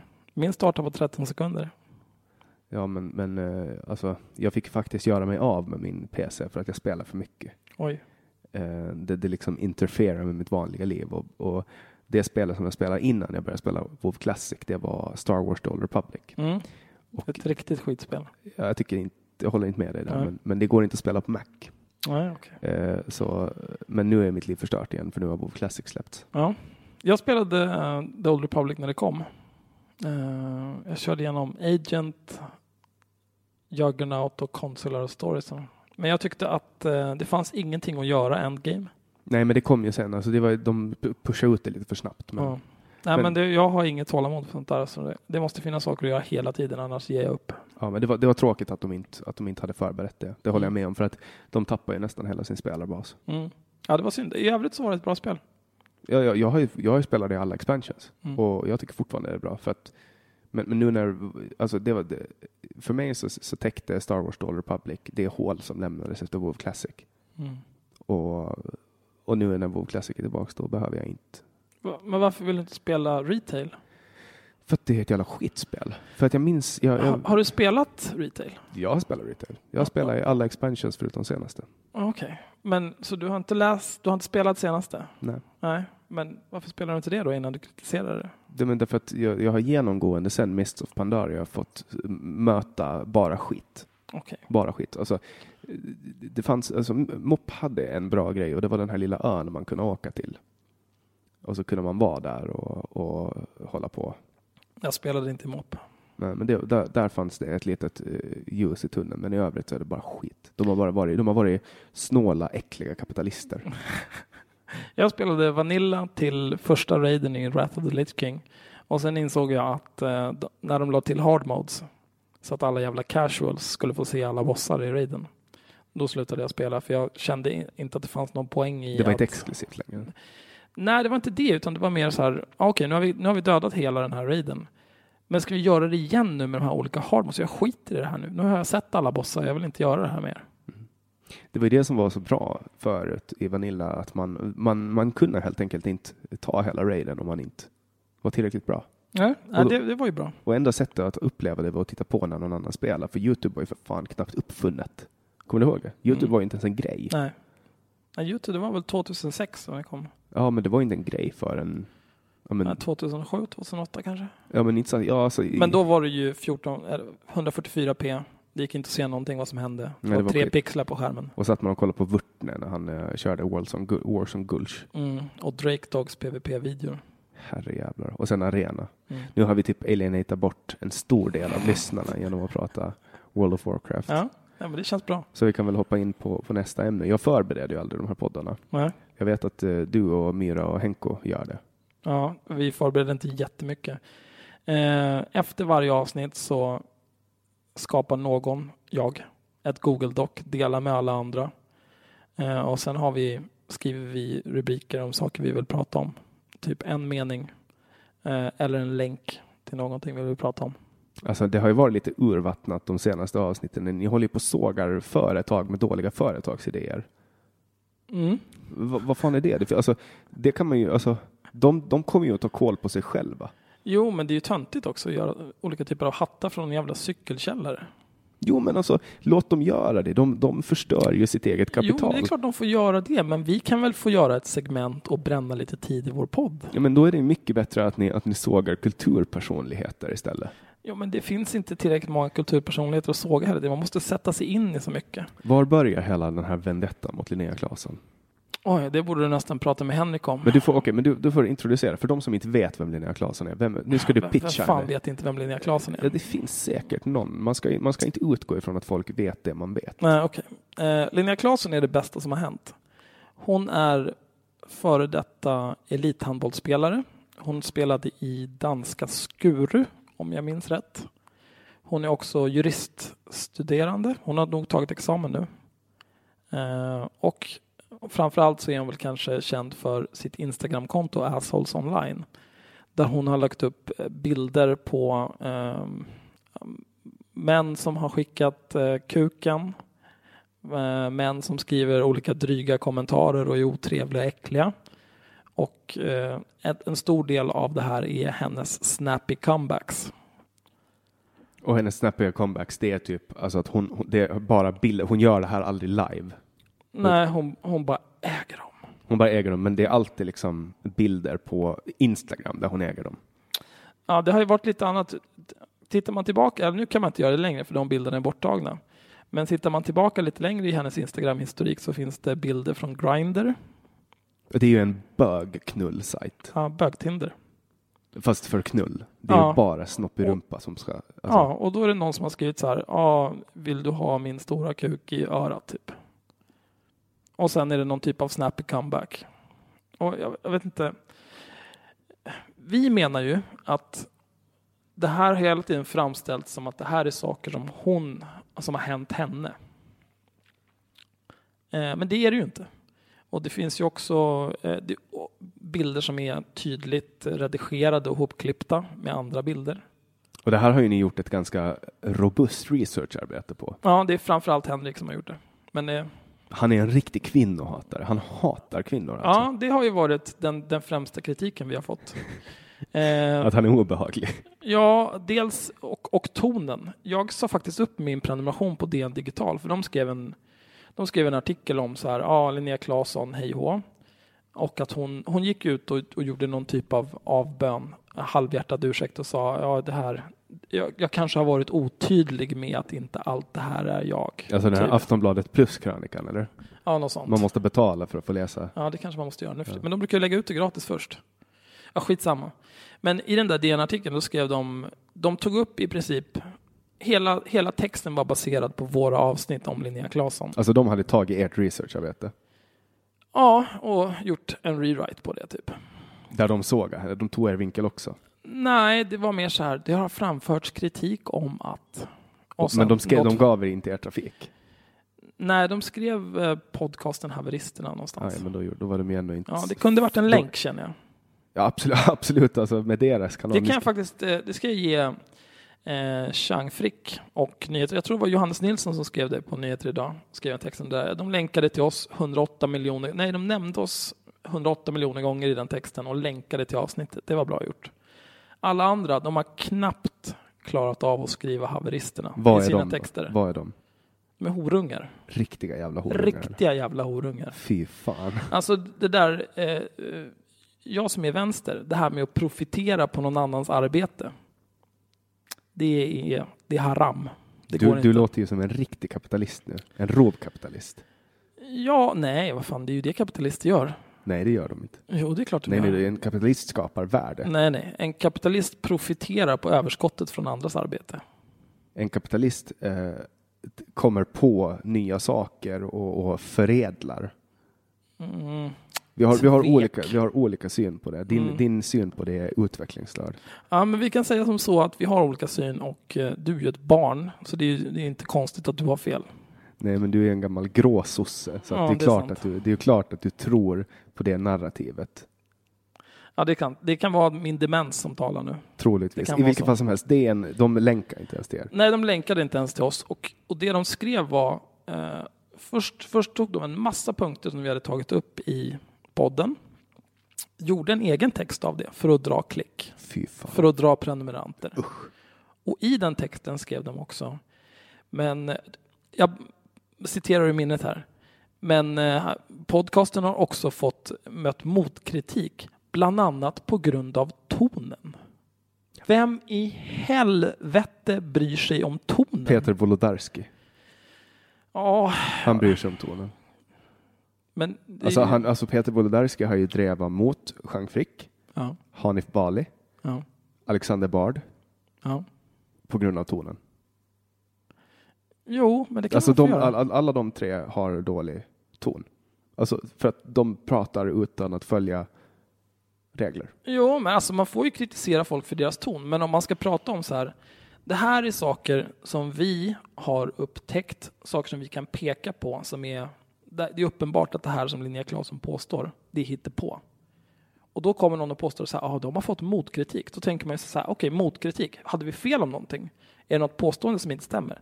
Nej, tonen. Det är ju inte kritik, det är ju bara, okej, okay, du gillar inte att jag sa att Linnea Claesson är dum i huvudet. Men sen också att man, att man liksom, man tar någon annans jobb, gör en grej av det, drar klick på det, nämner dem knappt och sen skiter man på dem i slutet utan att säga vem det är som har skitit på dem. Det känns ju också så här, även om ni är jävla vänsterluvor, så är ju det fortfarande skittråkigt att ni blir utsatta för det. Nej, det är bra. Eh, för mig, är jag, ju, jag är positiv till allt sånt där, för det är ju det är bra för podden också, för att vi i grund och botten så handlar ju vår podd om konflikter. Folk kallar er för en skvallerstuga. Ja, de får kalla oss vad fan de vill, så länge de är patrons. Ja, ni får ju, hur mycket får ni in per månad? Det är strax över 2100 dollar per avsnitt nu. Fan, det är bra. Det är 20 000 kronor det. Ja. Efter, före skatt. Eh, före skatt, ja. Skatten kommer, skattmasen kommer att plundra er. Mm. Hur mycket plundrar de per avsnitt då? Vi har ju kört som, det är ju framförallt de senaste månaderna som det har blivit eh, så här mycket pengar. Innan dess så har det ju varit liksom att vi har haft råd att betala Zencaster där vi spelar in. Vi har råd att betala Soundcloud och Pippa och nu Acast som vi distribuerar via. Och vi har köpt eh, lite mickar. Varför betalar ni för att distribuera? Det kostar 100 kronor i månaden. Ja, det var, vi betalar 200 spänn i månaden. Okej. Okay. Och sen 200 spänn för Zencaster. Och det har ju varit, eh, ja, så här, ja, det finns lite pengar. Eh, men, men nu ska vi hålla på med olika typer av någon typ av bolagisering så att vi kan monetisera detta utan att få kronkalle upp i arslet. För det har jag ingen lust med. Just det, du pratade om Vi skrev lite på Facebook och du sa att du ville starta en organisation. En ekonomisk förening. Det är så jävla dumt. Mm. Alltså det där är bara för, för att ni är identitetspolitiska vänstermarxister. Det, är, det är en bolagsform, vad fan är det med dig? Nej men vadå? Det, alltså, det, AB, det, finns, det är mycket lättare att få, få hjälp om man stöter på ett problem med AB. Det är mycket lättare att få, alltså, allt är mycket, det är ju, systemet är ju byggt för ett aktiebolag. Det är bara för att ni inte vill kalla er själva för kapitalister. Men ni älskar ju pengar. Ja, vem fan älskar inte pengar? Men det handlar inte om att man älskar pengar som koncept, men det man älskar är ju den frihet som pengar ger. Jag menar, tänk dig själv, om du, har du ett jobb? Alltså, jag blev ju just utslängd från Ålands lagting, så att nej, jag har faktiskt inget jobb. Jag skrattar. Jag satt sex veckor och sen blev jag utslängd, så just nu är jag ofrivilligt arbetslös för Ja. första gången i hela mitt liv och ingen vill röra mig med tång. Nej, det är klart, du gillar ju knark. Jag, jag gillar ju inte det är det som är grejen. Nej. Så här, jag skojar om det. Så här, skulle det vara så, så här, skulle det här ha varit en skandal där jag typ ska ha åkt fast. Det fanns en bild på mig där jag snortade eh, kokain. Men det, är, ju- det är egentligen ett helt sinnessjukt justitiemord det här. Varför har du inte stämt någon? Jag har gjort det, jag har polisanmält den här killen. Ja, det är bra. Men det är, det är ett komplicerat juridiskt fall. Det kommer att ta skitlänge. Och, så, och sen kostar, vet du, vad, du vet vad en advokat kostar? Mm. Fy fan! Mm. Alltså om det här faller, jag kommer, jag kommer att bli ruinerad. Ja. Jag kommer inte ha pengar kvar. Men vet du Jag vad har kan göra då? Jag kan swish-hora. Ja. Ja. Så genom att, genom att säga att ni kan swisha mig på 0703 522 472 och hjälpa mig att betala för advokatkostnader, för det kostar typ 4 000 kronor i timmen. Om ni hellre vill eh, bidra med pengar till en svensk framför en utlänning så kan ni swisha till mig på 0761 03 88 18. Och ni kan också gå in på patreon.com samtal där ni kan donera pengar till, till mitt fattiga arsle. Mm. Och vad är patreon.com samtal? Eller? Ja. Eller om ni återigen eh, värnar fosterlandet. Patreon.com haveristerna. Är det okej att kalla folk för swishhoror?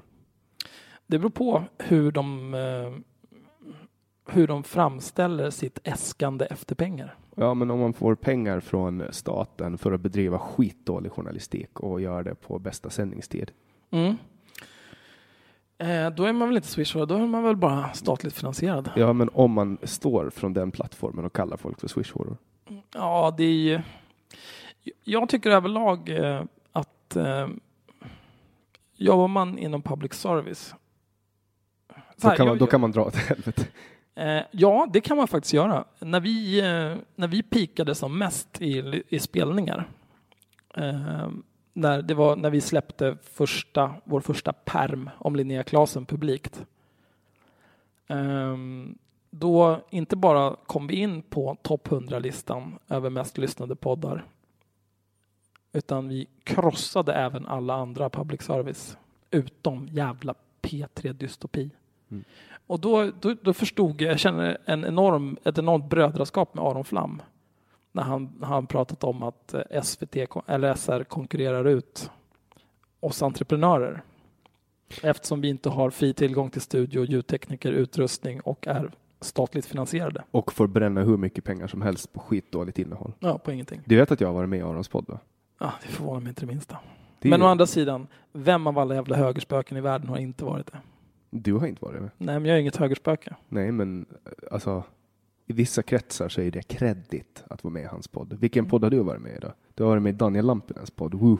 Jag, jag har varit med i Haveristerna. Ja, men alltså så, du har blivit inbjuden till... Jag har varit med i din podd. Ja, det är jävligt kreddigt. Mm. Det är extremt kreddigt, för jag tar ju in folk från både höger och vänstern. Problemet är bara det att folk från vänstern tackar inte jag. Varför inte då? Kan du nämna några vänstermänniskor som du har bjudit in som har tackat nej?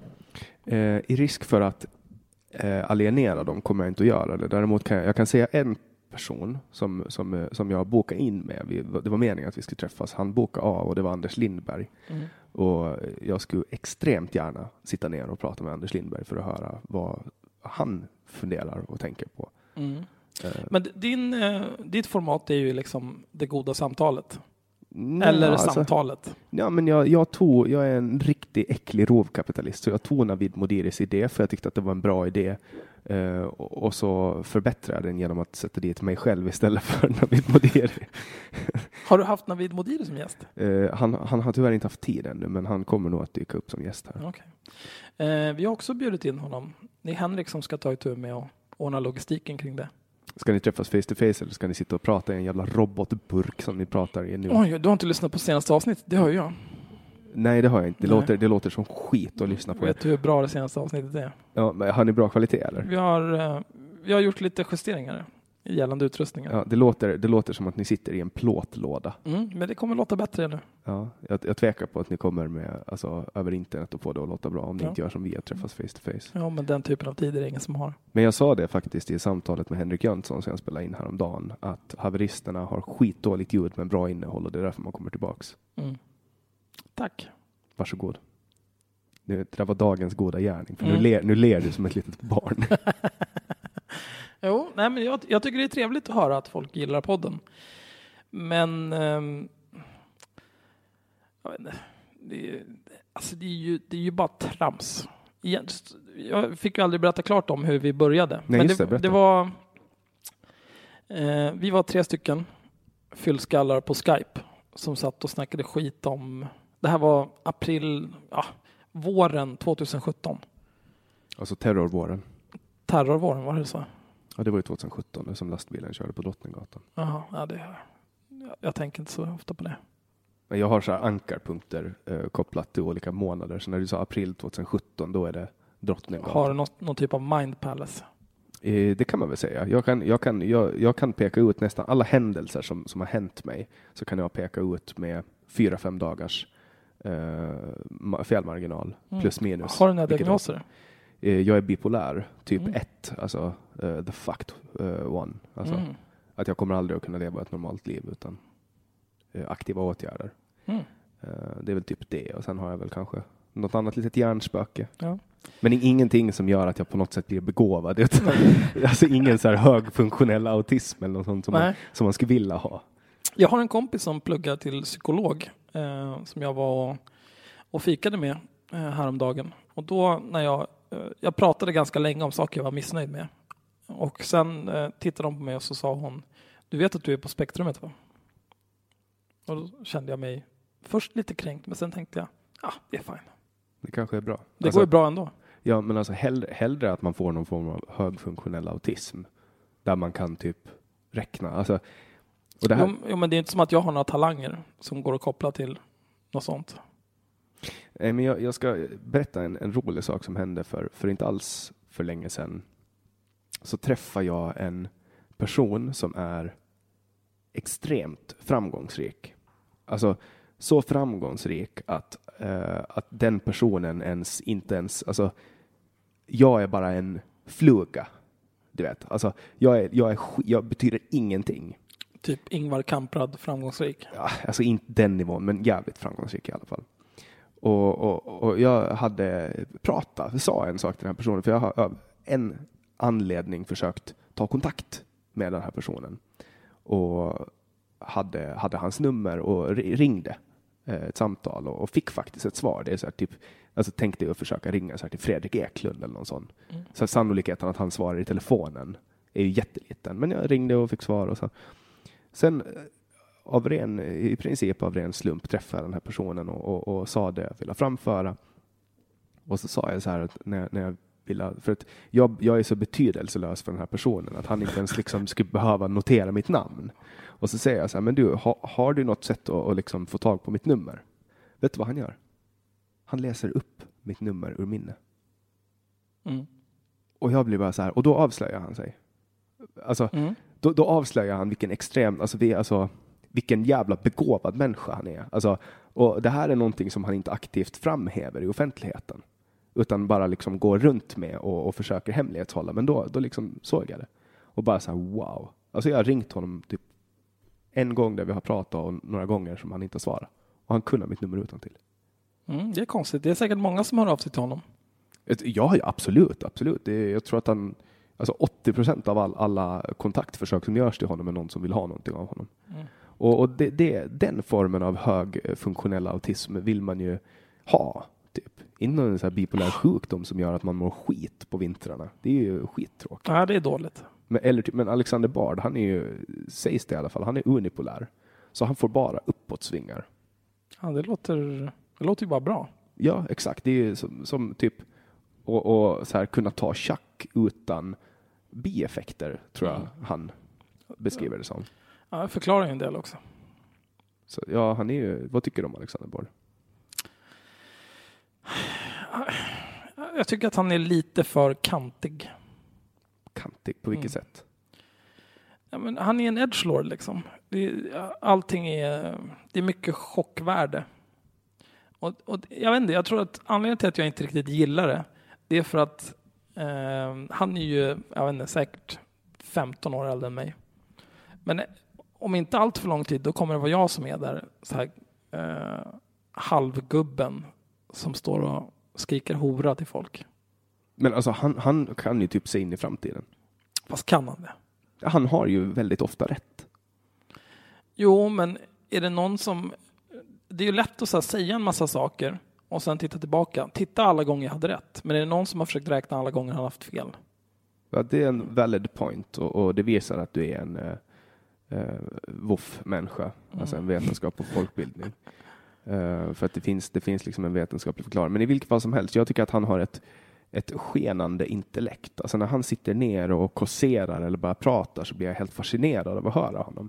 För att han, han liksom, han tänker, han sitter och funderar på saker som vanliga människor inte sitter och funderar på. Nej, men det är för att han är rik. Han har ju tid. Tror du det? Att det, att det är därför? Du, du borde ju vara rik. Du får ju för fan Men jag är ju 20 knappast Alexander Bard rik. Nej, nej, men 20 000 kronor per avsnitt. Det är ju för fan, och så här, släpper ni ett i veckan, det är ju 80 000 i månaden. Det är ju skitmycket. Ja, Men vi släpper inte här i veckan. Vi släpper två till tre i månaden. Varför gör ni så sällan? För- att jag, både jag och Henrik har heltidsjobb att sköta. Han är någon jävla fackmänniska. Han är fuckpamp, ja. Så, försöker han göra, försöker han bli statsminister eller? ja. Kanske. Då skulle han väl blivit nå- något lite mer... Vadå, Stefan Löfven? eh, Jag tror i och för sig att Henrik är elektriker i grunden. Ja, jag ska försöka. Så det är ju det är ett, det är ett hedligt yrke. Alltså, tror du att Henrik och Myra kommer att lyssna på den här podden? Mm, nej. Tror nej. Henrik kommer att lyssna. Ja, och då vill jag också framföra till Henrik att jag har försökt lägga till honom på Facebook. Mm. Men eftersom han är en liten horunge så har inte han, så har inte han svarat på min vänförfrågan. Va, varför inte? Alltså, Men varför ska han göra det? Vem fan är du? Ja, men du gjorde ju det. Jo, men det, jag bryr mig inte. Jag lägger till alla. Ja, men, varför skulle han inte? Han tänker väl att så här, ja, nu är det någon jobbig Sverigevän här med ett konstigt namn som ska ha en massa jävla konstiga åsikter och bete sig. Vadå, vi har ju 15 gemensamma vänner ju. Ja, men det betyder väl ingenting. Kanske inte. Vad tänkte du när jag la till dig då? Du tänkte inte ens? Nej, jag, jag brydde mig inte. Jag klickade bara ja. Jävligt efterblivet i alla fall.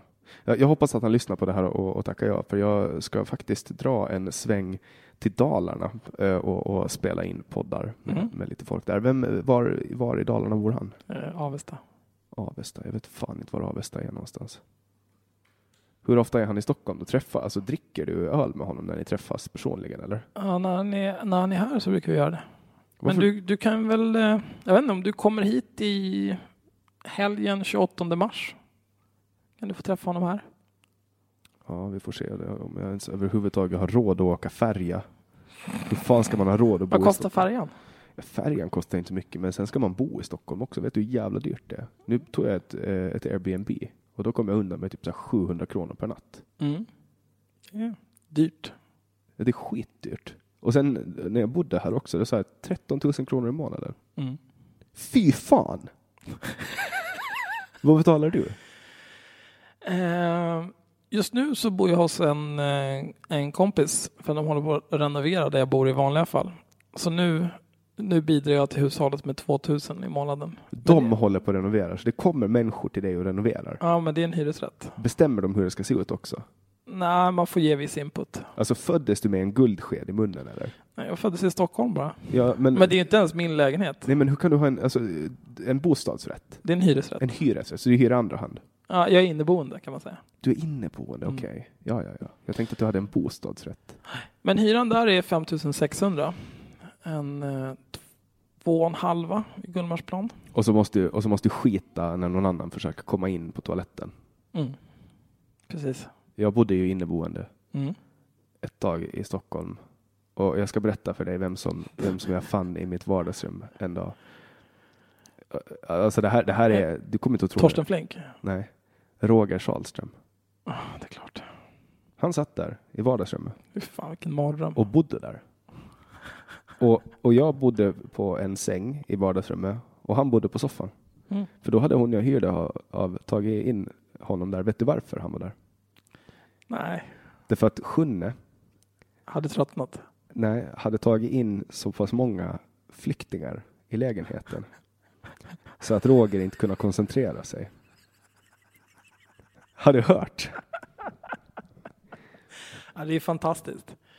Det är Mm. helt otroligt. Alltså Roger Sahlström, han är...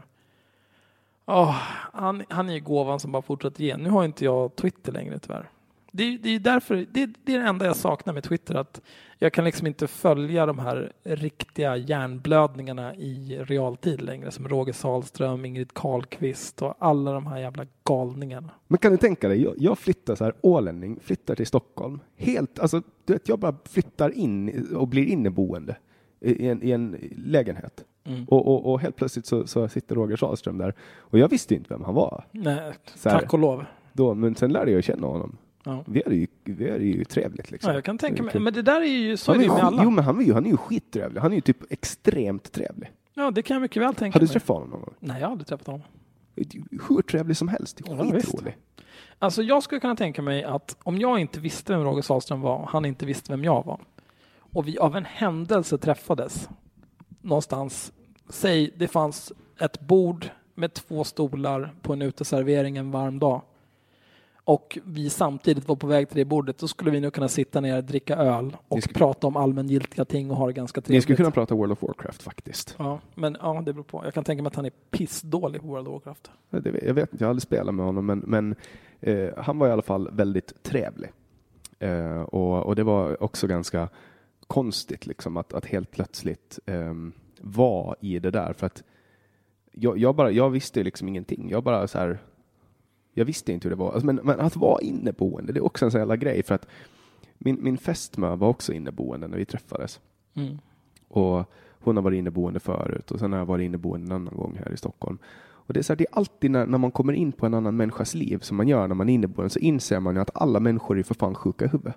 Mm. Alla människor är sjuka i Jag huvudet. har ju turen att eh, där, eh, där jag bor, så jag, eller jag bor med eh, en kompis som jag har känt sedan gymnasiet. Så för mig är det mindre plågsamt. Och den kompisen jag bor hos nu tillfället medan de renoverar har också känt sedan gymnasiet. Jag tror att jag skulle nog förmodligen ta mitt liv om jag var tvungen att bo med en främling. Men, men hur, alltså det, det som är grejen också med, med det här med att vara inneboende är att hur gör man om man ska ha en partner över liksom? Men då, får- det, det är ju jättesvårt ju. Ja, men man får väl göra någon typ av deal. Att, att, man skick, att den ena skickas bort. Ja, men här, här får du 500 spänn. Gå ut och gör något. Ja. Gå på bio och så går du och dricker bärs efteråt. Till gröna jägaren. Ja, med granne jägaren, då kan du fan vara borta två dygn på 500 spänn. Det är perfekt. Ja, men, men nej, jag, jag tycker bara hela den här grejen med inne, inneboende kulturen är, är jättekonstig. För det är ju liksom, det är, jag har aldrig hört talas om någon som har haft en helt normal inneboende. Som man har frågat någon så här, ja, men typ som en, en kille som jag jobbar med. Han var inneboende hos en snubbe som, han var bög och det är inget konstigt. Det är inget konstigt överhuvudtaget. Men när den här snubben sitter Att du och kollar. säger att det inte är något konstigt, det får mig att tro att du tycker att det är lite konstigt. Nej, men du har inte hört det som Nej. kommer härnäst. För att det konstiga var att, att när han kom, alltså, det hände flera gånger att han kom ut när den här snubben, och den här snubben var typ så här i 65-årsåldern. Han satt och tittade på bögporr och runka. Mm. Alltså i vardagsrummet. Men det gör man ju inte. Nej, man gör inte det. Och det är så här, och det är så här, ja men det är ett exempel Ja. på, på någon som har en, en jättekonstig grej. För att, Men då, då har man ju eh, lite, lite dålig respekt för det här med gränser. ja. Och sådana människor kan man inte Jo, bo nej, med. vänta, vänta. Ja. Han runkade inte ens. Det var det som, jag Han visste bara att satt och kollade. Han bara satt och tittade. Det var det, och det är ännu konstigare. Eh, för det var det, jag visste att det var någonting jag hade glömt bort i den här storyn. Eh, han bara satt och tittade på det. Han runkade. Till, till, till vilken glädje? Jag vet inte. Det, för mig är det ett mysterium. Ja. Alltså- ja, det är ett extremt konstigt tidsfördriv. Ja, och det har jag också fått höra. Eh, en annan kompis som, som eh, han hade kontor i Helsingfors, eller hans företag hade kontor i Helsingfors och i Stockholm då. Och, så höll han på att pendla mycket till, till Hel- Helsingfors från Stockholm och han tänkte att, att han skulle ge det ett försök att ta färjan. Men, men att det som hände var att på de här båtarna så står det lastbilschaufförer och kollar på porr i sina iPads och röker cigaretter i rökrummet. Vilken jävla ångest. Men vad, till, till vilken nytta? Var det inte ni som pratade om skogsporr i ett avsnitt? Jo, det har vi gjort. För ja, jag- Myra pratade om det. Ja, för jag, jag, pratade, jag tog upp det och pratade om skogsporr med Grulle, han som du lyssnar på ett eh, samtal med honom. Mm. Då tog jag upp skogsporr, så jag har också blivit lite inspirerad av er. Ja. ja, just det. Du är ju för ung för skogsborren. Eh, Nej, för att när jag var liten så fanns det en det fanns en så här brunn och så fanns det ett litet hus runt brunnen, du vet. Mm. Och så är det målat samma som hus. Det är som en litet komplement typ. Och där inne så fanns det porrtidningar. Mm. Och också så här kunde man hitta en koja i skogen där det fanns porr. Och så här frågan är, alltså, tror du att den spanar där? Att den bara så här, den bara liksom, Den, den föds där. den börjar existera? Det växer upp som svampar. Nej men alltså den bara kommer från ingenstans. Ja, men det, det, det konstiga med skogsporren det är ju att om man pratar med vem som helst över en viss ålder så alla har en story om skogsporr. Och det är så extremt konstigt liksom, alla de här jävla porrgömmorna runt om i världen. Ja, och vad gör det där? Ja, jag, jag tänker anta att det antingen beror på att det är någon som har en porrgömma som han förmodligen smyger ut till ibland. Alternativt någon som har blivit tvingad att göra sig av med sin porr och därför tänker ja, men jag lägger den någonstans där den är trygg. För vem vet hur det går med den här relationen ändå. Liksom. Det är bra att ha porren att komma tillbaka till. Men alltså den måste ju decomposa alltså i, i hög luftfuktighet i skogen och Jo, men du får ju tänka, tänka hur de här männen mår. När de, må, de inser så här, jag måste antingen gömma min porr eller jag måste göra mig av med min porr. Det är ju extremt många känslor som går igenom ens huvud. Det är någon sån här primalskri, man går ut i skogen med sin porr. Jo, men det blir, alltså det blir som att de blir liksom shell-shocked. De går där med sin tusen milar stirr och bara, var kan jag gömma min porr? Och så hittar de någon, någon, någon planka eller någonting och bara, ja men jag lägger den här under, det är bra. Så går de iväg. Det sjuka är att det är alltid ett barn som hittar det. Ja, det är klart. Men det är ju för att barn alltid springer runt i skogen och ska hålla på och vända och vrida och lyfta på allting hela jävla tiden. Det känns som att den tiden är Det över. går ju liksom inte att gömma någonting för ett barn. De hittar ju allt. ja, men det känns som att den tiden är över. Ja, i och för sig, nu är ju allting dödsfarligt. Jag jobbar på ett jobb här i Stockholm och då var det en, eh, en kille som, eh, som, som sa en dag när vi satt och drack kaffe kvart över två och så tittade han så här stirra in i intet och så sa han tänk att en gång var sista gången som du gick ut och lekte med dina kompisar. Mm. Tänk om man skulle veta då hur jävla sorgligt. Det här är sista gången vi går ut och leker. Mm. Det där är ju en parafras på någon gång i framtiden kommer vara sista gången som någon tänker på dig. Det är också ganska deppigt. Jag, jag, kom att tänka på, på eh, att jag började direkt säga, jag är en lösnings, lösningsorienterad kapitalist. Så jag började direkt tänka på vad man kan göra och vi stannade, eh, jag och min fästmö på vägen in till Stockholm, men typ i, kan, kan det ha i Söderköping eller någonting, någonstans. Och då var det så här på en bensinmack som hette Lars Duva. Och jag bara, varför heter den här bensinmacken Lars Duva? Och så var det en sån plakat och så ställde jag mig och läste på det här plakatet och då var det, en, det var någon gubbe som levde där i skogarna som ville bli ihågkommen. Så hans största önskan var att, att folk skulle komma ihåg hans namn. Så han gick runt och döpte byggnader till sig själv. Och nu har någon döpt en, en, eh, bensinmack till Lars Duva. Mm. Och så att, Men vet du något mer om Lars Duvar?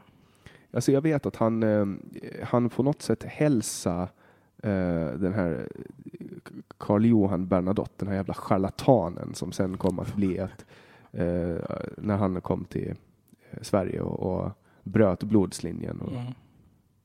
För han är ju inte ens, alltså, han har ju inget blodsband till, Nej, Bernadottarna, de är inte svenskar. nej de är ju för fan fransmän. Mm. Eh, och, och det där var ju också något så här, jag vet inte, har du läst böcker om Napoleon? Nej. Jag tänkte fråga dig om du brukar heja på Napoleon i Napoleon litteraturen. Det, Det, närmaste jag kommer är nog att jag lyssnar på Historiepodden. Det är den enda podd jag lyssnar på. är det någon public service-finansierad skitpodd eller? Eh, man skulle kunna tro det, men det är det inte. Det är två gymnasielärare. Eh, båda är lärare i historia förstås. Och en av dem i samhällskunskap och den andra i geografi, tror jag. Eller så något slags. Men de tar upp någon, någon eh, händelse i historien i varje avsnitt. Så pratar de om den i typ en timme. Så det är perfekt att lyssna på på lunchen medan man flyr från allting. Jag, ty- jag tycker det är så jävla fint att sätta sig ner och läsa en riktigt, riktigt tjock bok om Napoleon. För att det, är, det finns så jävla många olika beskrivningar av hans liv. Hur, hur många tjocka böcker om Napoleon har du läst? Alltså jag har nog läst eh, fyra, fem stycken kanske. Varför? Nej, men för att jag, det är inte, det är inte så att jag har suttit och läst dem i ett streck, utan jag har läst vid olika tillfällen. Det finns ju massa bra böcker om Napoleon. Mm. Jag har läst böcker om Hitler också. Ja. Eh, och, men alltså, i Napoleon är bara det, det är någonting med Napoleon som gör att folk vill liksom eh, sjunga sånger om honom. Men är, är det för att du är fascinerad av eh, historia eller av despoter eller? Jag tror att det jag gör när jag läser om Napoleon är att jag eh, låter fantasin skena iväg och så funderar jag på vad, vad skulle ha hänt om Napoleon skulle ha slutat vandra genom Ryssland och bara vänt om, till exempel. Mm. Eller vad skulle ha hänt om han skulle... Alltså du vet, något så, sånt. Det är liksom tankekittlande. Mm. Och sen lär man sig också någonting om, om eh, historien, nej men om nutiden genom, genom att eh, lära om, om historien. Och, och, och det här, eh, det är någonting, det finns mycket där kring Napoleons tid som, alltså vi- vilken del av historien man än går in i så kan man känna igen skeenden av nutiden. För att, för att människor tenderar att fatta vissa beslut i vissa situationer. Och, och sannolikt kommer de att fortsätta fatta samma beslut hela tiden. Förstår du vad jag menar? Absolut. För människor är ju skitdumma i huvudet och destruktiva. Mm. Gillar starka ledare. Ja. Vad, vad, vad, vad läser du för böcker? Jag läser bara science fiction och fantasy. Du, typ Ron L. Hubbard. Eh, nej, inte L. Ron Hubbard faktiskt. Däremot så besökte jag när jag gick i gymnasiet. Scientologerna hade en kyrka, eller vad man nu ska kalla det, en samlingslokal. Ja, det, är, det är ju kyrka, det är ju vidrigt. Men de hade, de hade en kyrka vid Skanstull där man kunde gå och hälsa på. Så jag och några kompisar gjorde en högstadie, vi kunde till och med. Och de var otroligt tillmötesgående och vänliga. Och så fick vi titta på, de hade en liten bio i källaren. Då fick vi titta på en reklamfilm för scientologerna med John Travolta var med, Isaac Hayes, massa Hollywoodkändisar. Och så fick vi några pamfletter. Och sen, Så ni fick inte sitta ner vid en sån här maskin som nej, de ville inte mäta hur många jag inte, demoner vi hade fångade i oss. Heter det det typ eoner eller axoner? Eller, Ja, det är något. Det är olika typer av nonsens. Och så typ ska man, man åter, alltså det är riktigt konstigt. Mm. Det kan jag också tycka att det är spännande att läsa om scientologin, men det är ju mer för att det är liksom studien i hur människan eh, alltså det räcker med att man är övertygande som människa så kan man få folk att göra vad fan som helst. Mm. Ja, men det, finns, det finns ju många korkade människor. Så är det ju. Kommunismen är lite samma sak. Det är också ett, ett exempel på... Nej, men du skrattar, det är ju sant ju. Det är ju, det är ju den, det är den vidrigaste idén som någonsin har funnits. Och den fortsätter leva för att människor tror på den. Mhm. Ja, visst. Tycker, håller, håller du inte med mig? Jag har egentligen inga åsikter om kommunism. Har du inga åsikter om kommunism? Men du har åsikter om nazism. Du hatar nazister. Jag hatar är ett starkt ord. Jag tycker att det är pantat bara att vara nazist. Ja. Och, och, och då har du inte lagt ner tankemöda på att fundera ett varv genom kommunismen och fundera på vad som händer om man försöker genomföra. Alltså, jag, jag kan säga så här. Jag, jag tycker inte Sovjet var så jättebra. Kan du nämna något kommunistiskt land som har varit bra? Då? Nej.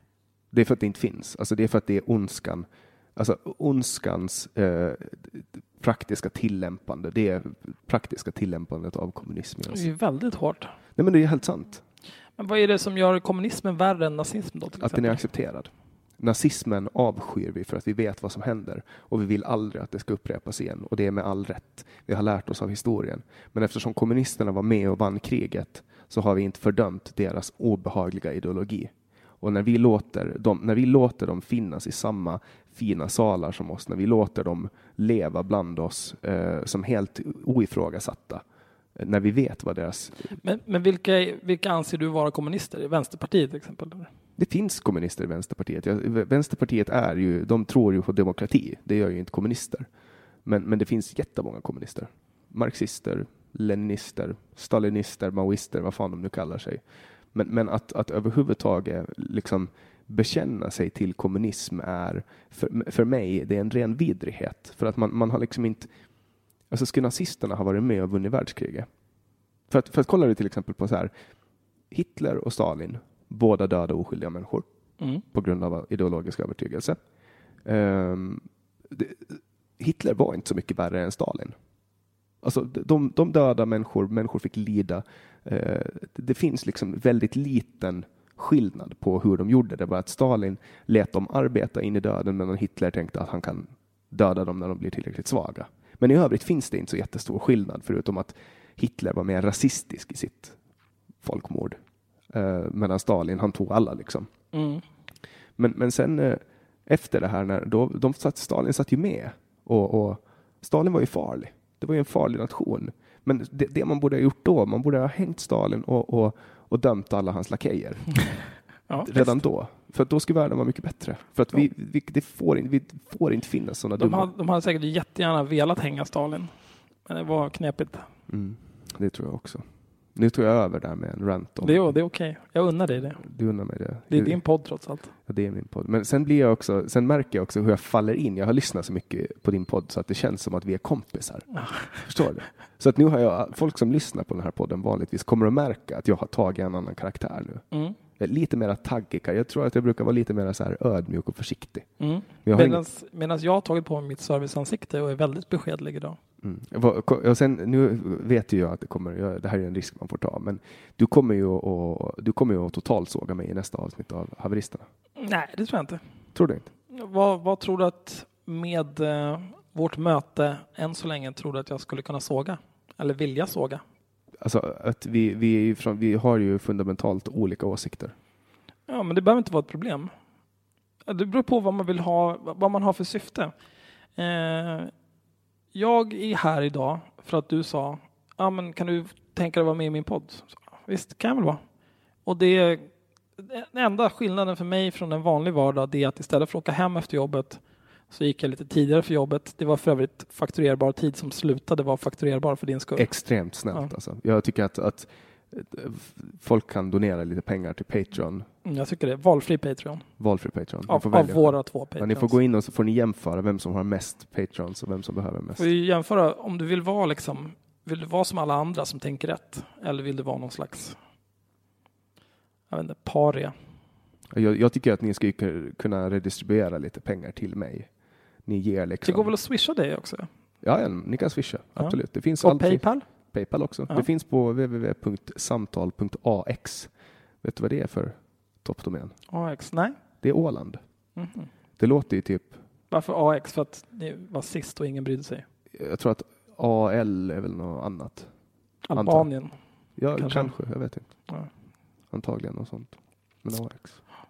Ja, nej men så det var liksom, eh, jag kommer hit. Mm, du har ju bullat upp här. Jag, har fått kaffe, jag har fått vatten. Det finns olika kakor och vindruvor och choklad. Och du har inte nyttjat det. Du ska ju få gotta i det. Annars får Mattias Svensson äta upp allt det Ja, där. men det unnar jag honom. Ja. Han behöver det. Han jobbar inte ens med IT. Nej, han jobbar med Opinionsbildning. Ja. Nej, och det, det är inte ens jag som har dukat upp det här, utan det är min kompis Patrik som jobbar på Chimney som, som har fixat det här eh, rummet åt oss. Mm. Kan man swisha till Till Pat- Chimney? till, eh, alltså, jag, tror, jag tror att de har pengar så att det räcker. Jag Ja. tror att det är mycket viktigare att du och jag får pengar. Ja, Vi- det vi känns är, viktigare för mig med. För vi är ju riktiga krigare. Mm. Tror du jag kommer att få med i haveristerna då? Du, Alltså som att ni bjuder in mig om jag swishar 450 Rasistkronor. Eh, ja, för, för min del, alltså, vi har ju sagt flera gånger eh, att vem som helst får vara med i haveristerna. Eh, fast det, ju, det finns ju ett caveat där att det kan ju liksom inte vara så här, Jörn Svensson från Torkelboda som ingen någonsin har Nej. om och ingen jävel bryr sig om. men det, det är inte. ju liksom inte intressant att prata med. Henrik kanske gillar kommunism och, och kanske vill såga mig om varför. Eh, jag tror inte att han gillar kommunism, eh, men han gillar ju socialdemokrati. Mm. Ja, jag har varit ganska hård mot sossarna också. Ja, så han kan, han kan säkert tänka sig att eh, sitta och vara upprörd med dig över socialdemokrati och kapitalism. Jag tror att jag skulle komma ganska bra överens med Henrik. Jag tycker att han är en väldigt härlig person. Mm. Jag tror också att du skulle, jag tror att du skulle komma överens med både Henrik och Myra, precis som du verkar komma väl överens med mig om du inte bara sitter här och spelar någon typ av falsk spel. Det skulle vara så jävla vidrigt om jag gjorde det. The long con. Jag var en riktig orm och bara... Men det var det jag menade, det var det jag var på väg till. Att, så här, att ha, det, som jag sa till dig, jag är ju bekant med Mattias Svensson också. Ja. Eh, f- men det är ju för att han är ju rimlig. Mm. Eh, och det går att prata med honom precis som det går att prata med mig för att ni är inte är förståndshandikappade. Även om vi kanske i vissa fall har diametralt motsatta åsikter om saker. Så det behöver inte vara ett problem för att man ska prata med någon. Eh, jag skulle säkert kunna prata med ehm, Jimmy Åkesson. Ja, Eller skulle du kasta en tårta på honom? Nej, men problemet med Jimmy Åkesson, det vet jag, om han är som hans publika persona, att det enda svar han har att ge det är jag vet inte, det där måste någon annan svara på, det där får vi ta, baby. Han, kan ju ingenting, verkar det som. Mm. Eh, och då tror jag att jag skulle tappa tålamodet, för vad ska jag prata med honom om då? Liksom? Navid Modiri då? Du tycker inte om Eh, Navid? Eh, nej, det gör jag inte. Jag tycker att han är... Dels, dels tycker jag lite grann att det här det goda samtalet, vi måste hur, hela konceptet, hela hans format är så jävla äckligt. Men han är så jävla snäll som människa. Ja, det tvivlar jag inte en sekund på. Men, men han, hans koncept är ju snällt. Eller hur? Det, men det är ju det som är problemet. För det är liksom... Eh, som det som har varit den största grejen med det där är ju att han, eh, när han hade med Ingrid Carlqvist, Ja, det, det, det gick ju lite åt pipsvängen. Ja. Men det är ju det som är problemet. När jag har försökt lyssna på den där podden. Och, återigen, jag lyssnar inte på poddar så det var en enorm ansträngning för mig att göra det. Men det känns inte som att, han håller ju på att säga, vi har ett team här, vi gör en massa research och så här. Ja, det märks fan inte. För det är liksom inga vettiga följdfrågor om någonting.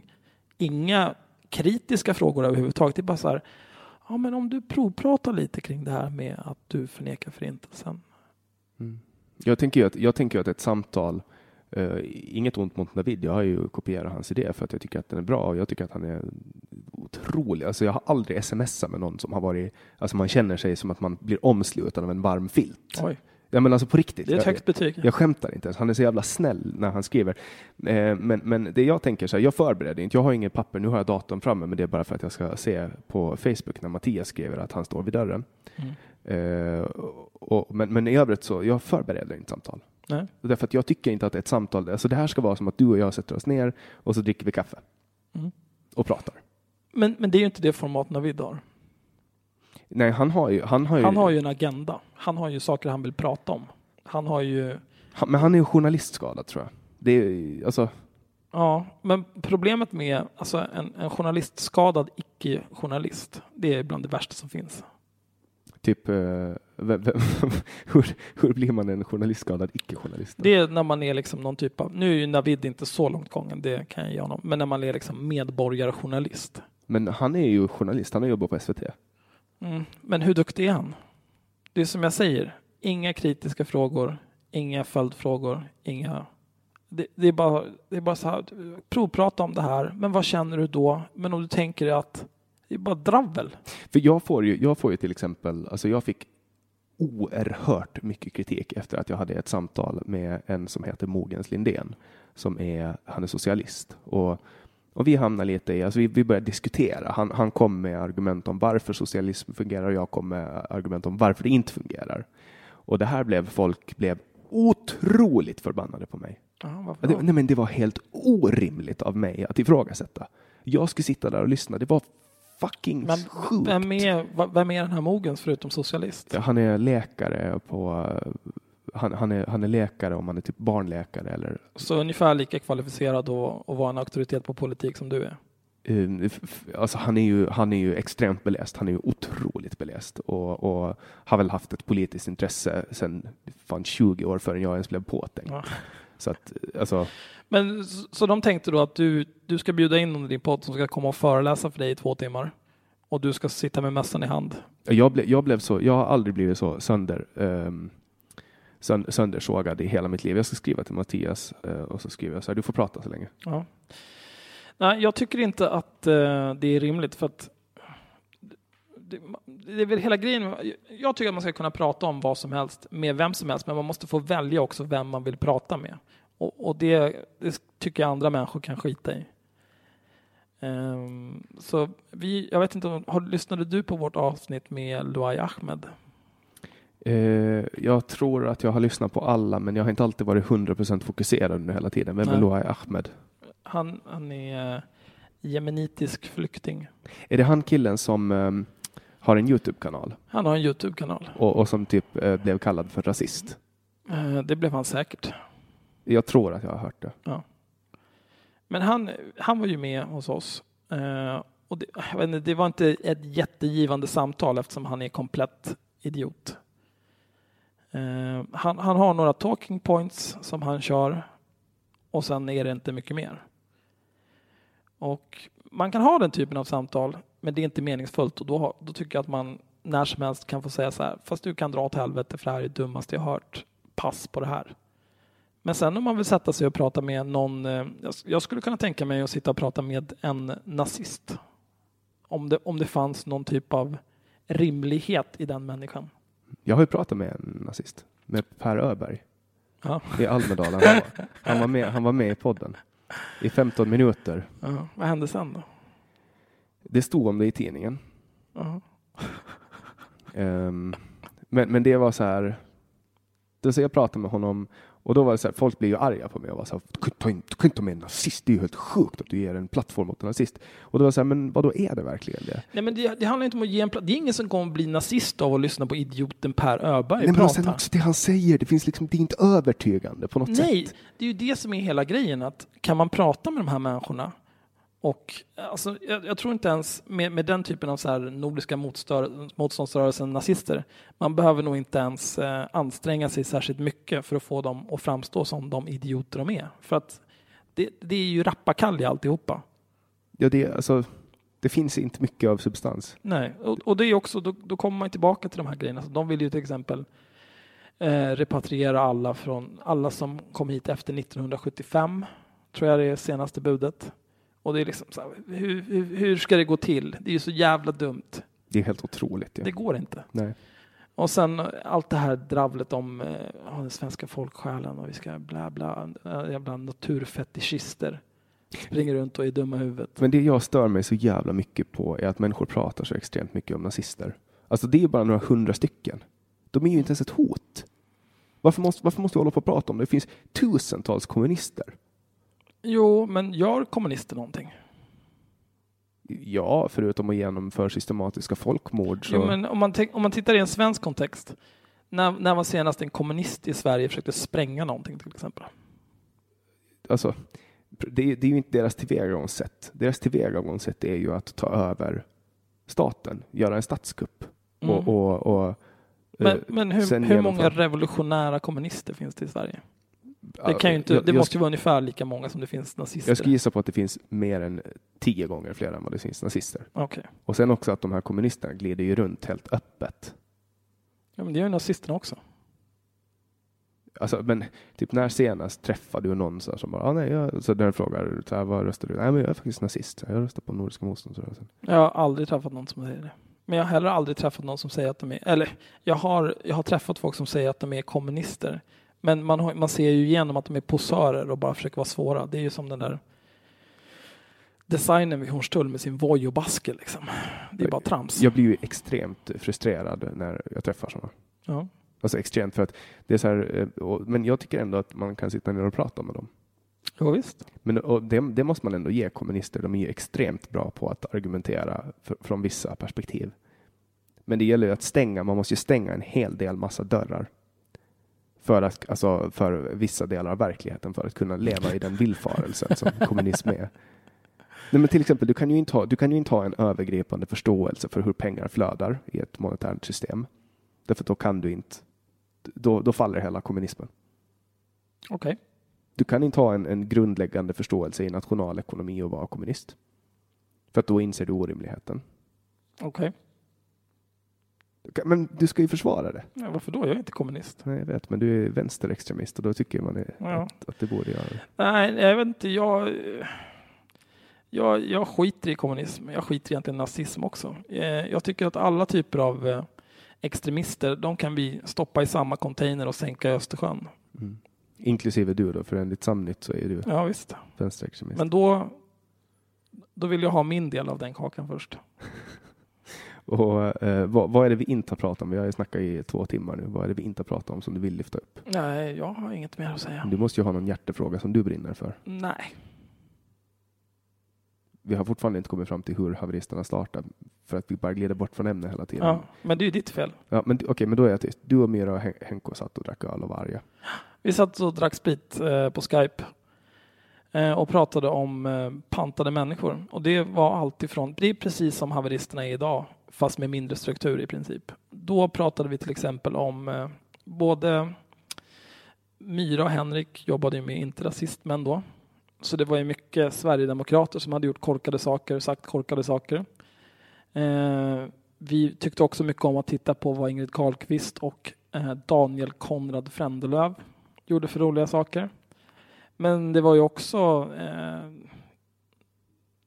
från eh, vänsterhåll och de olika profilerade feminister som har helt bisarra åsikter och gör bisarra utspel. Och så satt vi och snackade skit om dem tills någon däckade. Och sen föreslog Myra att det här kanske vi skulle göra en podd av. Och så gjorde vi det. Och nu är det över 2000 dollar per avsnitt. Det är ingen stor grej. Hur många streams har ni per avsnitt då? Eh, Det varierar lite grann. För ett halvår sedan ungefär, då hade vi kanske 4-5 tusen spelningar per avsnitt efter 30 dagar.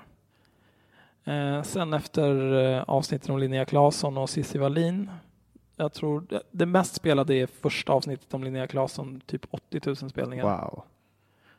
Det är extremt mycket. Det är mycket. Eh, Men hon är ju poppis så det är inte så konstigt. Men det där är också, det är lite äckligt på ett vis för att dels så fanns det ju folk som eh, så här, eh, eh, det, det fanns må, många människor som hade haft egna aningar om att kan det verkligen vara på det här viset och ville få det bekräftat. Och sen så var det också de som ville ge oss någon typ av chans att bevisa att vi hade rätt. Eh, men egentligen inte brydde sig. Och sen så fanns det också de som lyssnade, inte begrep ett ord och bara sa att vi har tråkig ton. Så det var, och, och så har det ju varit med tidigare avsnitt också, men i mycket, mycket, mycket mindre skala. Så det var trist, reaktionerna. De flesta reaktioner var trista. Jag, ty- jag tycker att det är, alltså, jag gillar ju att ni låter saker ta tid. Det är också därför som jag håller det här formatet i över två timmar, för att jag gillar att låta saker ta tid. För att det, alltså, en tio minuters intervju, vad fan får man ut på det? Nej, det är inte värt. Verkligen inte. Alltså, Särskilt som det är första gången man träffar någon också. Det tar ju tar väl en halvtimme innan man blir bekväm med att sitta i samma rum som någon. jag skulle säga en timme. Mm. Alltså typ som när jag spelade in med Aron, eller när han spelade in med mig. Då, då var det så här, när en timme hade gått, då hade vi börjat komma igång. Och jag tycker att det, det är lite för kort. Men eh, ja, nu har vi snurrat in på två timmar, fyra minuter och med det får vi avsluta. Mm. Tacka Axel Luo Öhman otroligt mycket för att du tog två timmar av din eh, ratingtid för att sitta här med mig. Mm. Tack för att jag fick komma hit på Och- ofakturerbar tid. Ja, och nu får vi se vem som drar mest eh, swishar och Patreon. Patreons är ju faktiskt det bästa man kan göra för en eh, content creator eftersom då har man någon form av framförhållning och vet att man kanske kan ta Ålandsbåten över till Stockholm och spela in med, med människor. Eller betala sin advokat. Eller betala sin advokat för att man hamnar i ett mediedrev. Eh, det kan ju vara, det kan ju vara eh, någon av de två alternativen. Men ni hittar alla våra samtal på vår hemsida www.samtal.ax eller där poddar finns, alltså typ Spotify som de flesta lyssnar på nu för tiden. Eh, och ni får ju som sagt extremt gärna gå in på www.patreon.com samtal eller swisha till 070 3522 472 eller Paypal. Alla, all information hittar ni på hemsidan. Sen får ni också gärna önska gäster som ni vill se här, gärna människor från vänstern eftersom de är så förbannat svåra att få med. Vi släpper nya samtal alla onsdagar. Det har, jag troligtvis, det har jag troligtvis sagt redan, men jag säger det igen. Producent för det här avsnittet var Didrik Svan. Jag heter Jannik Svensson och du har lyssnat på podcasten Samtal.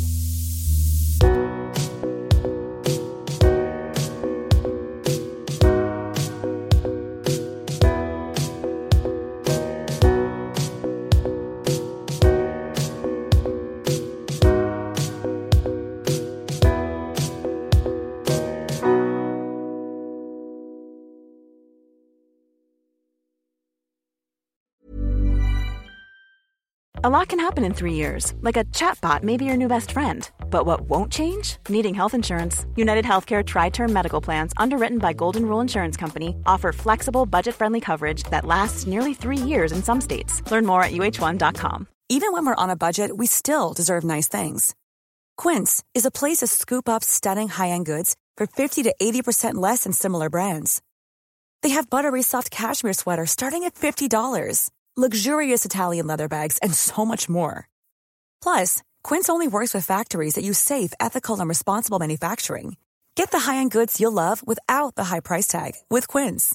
Go to quince.com/style for free shipping and 365-day returns.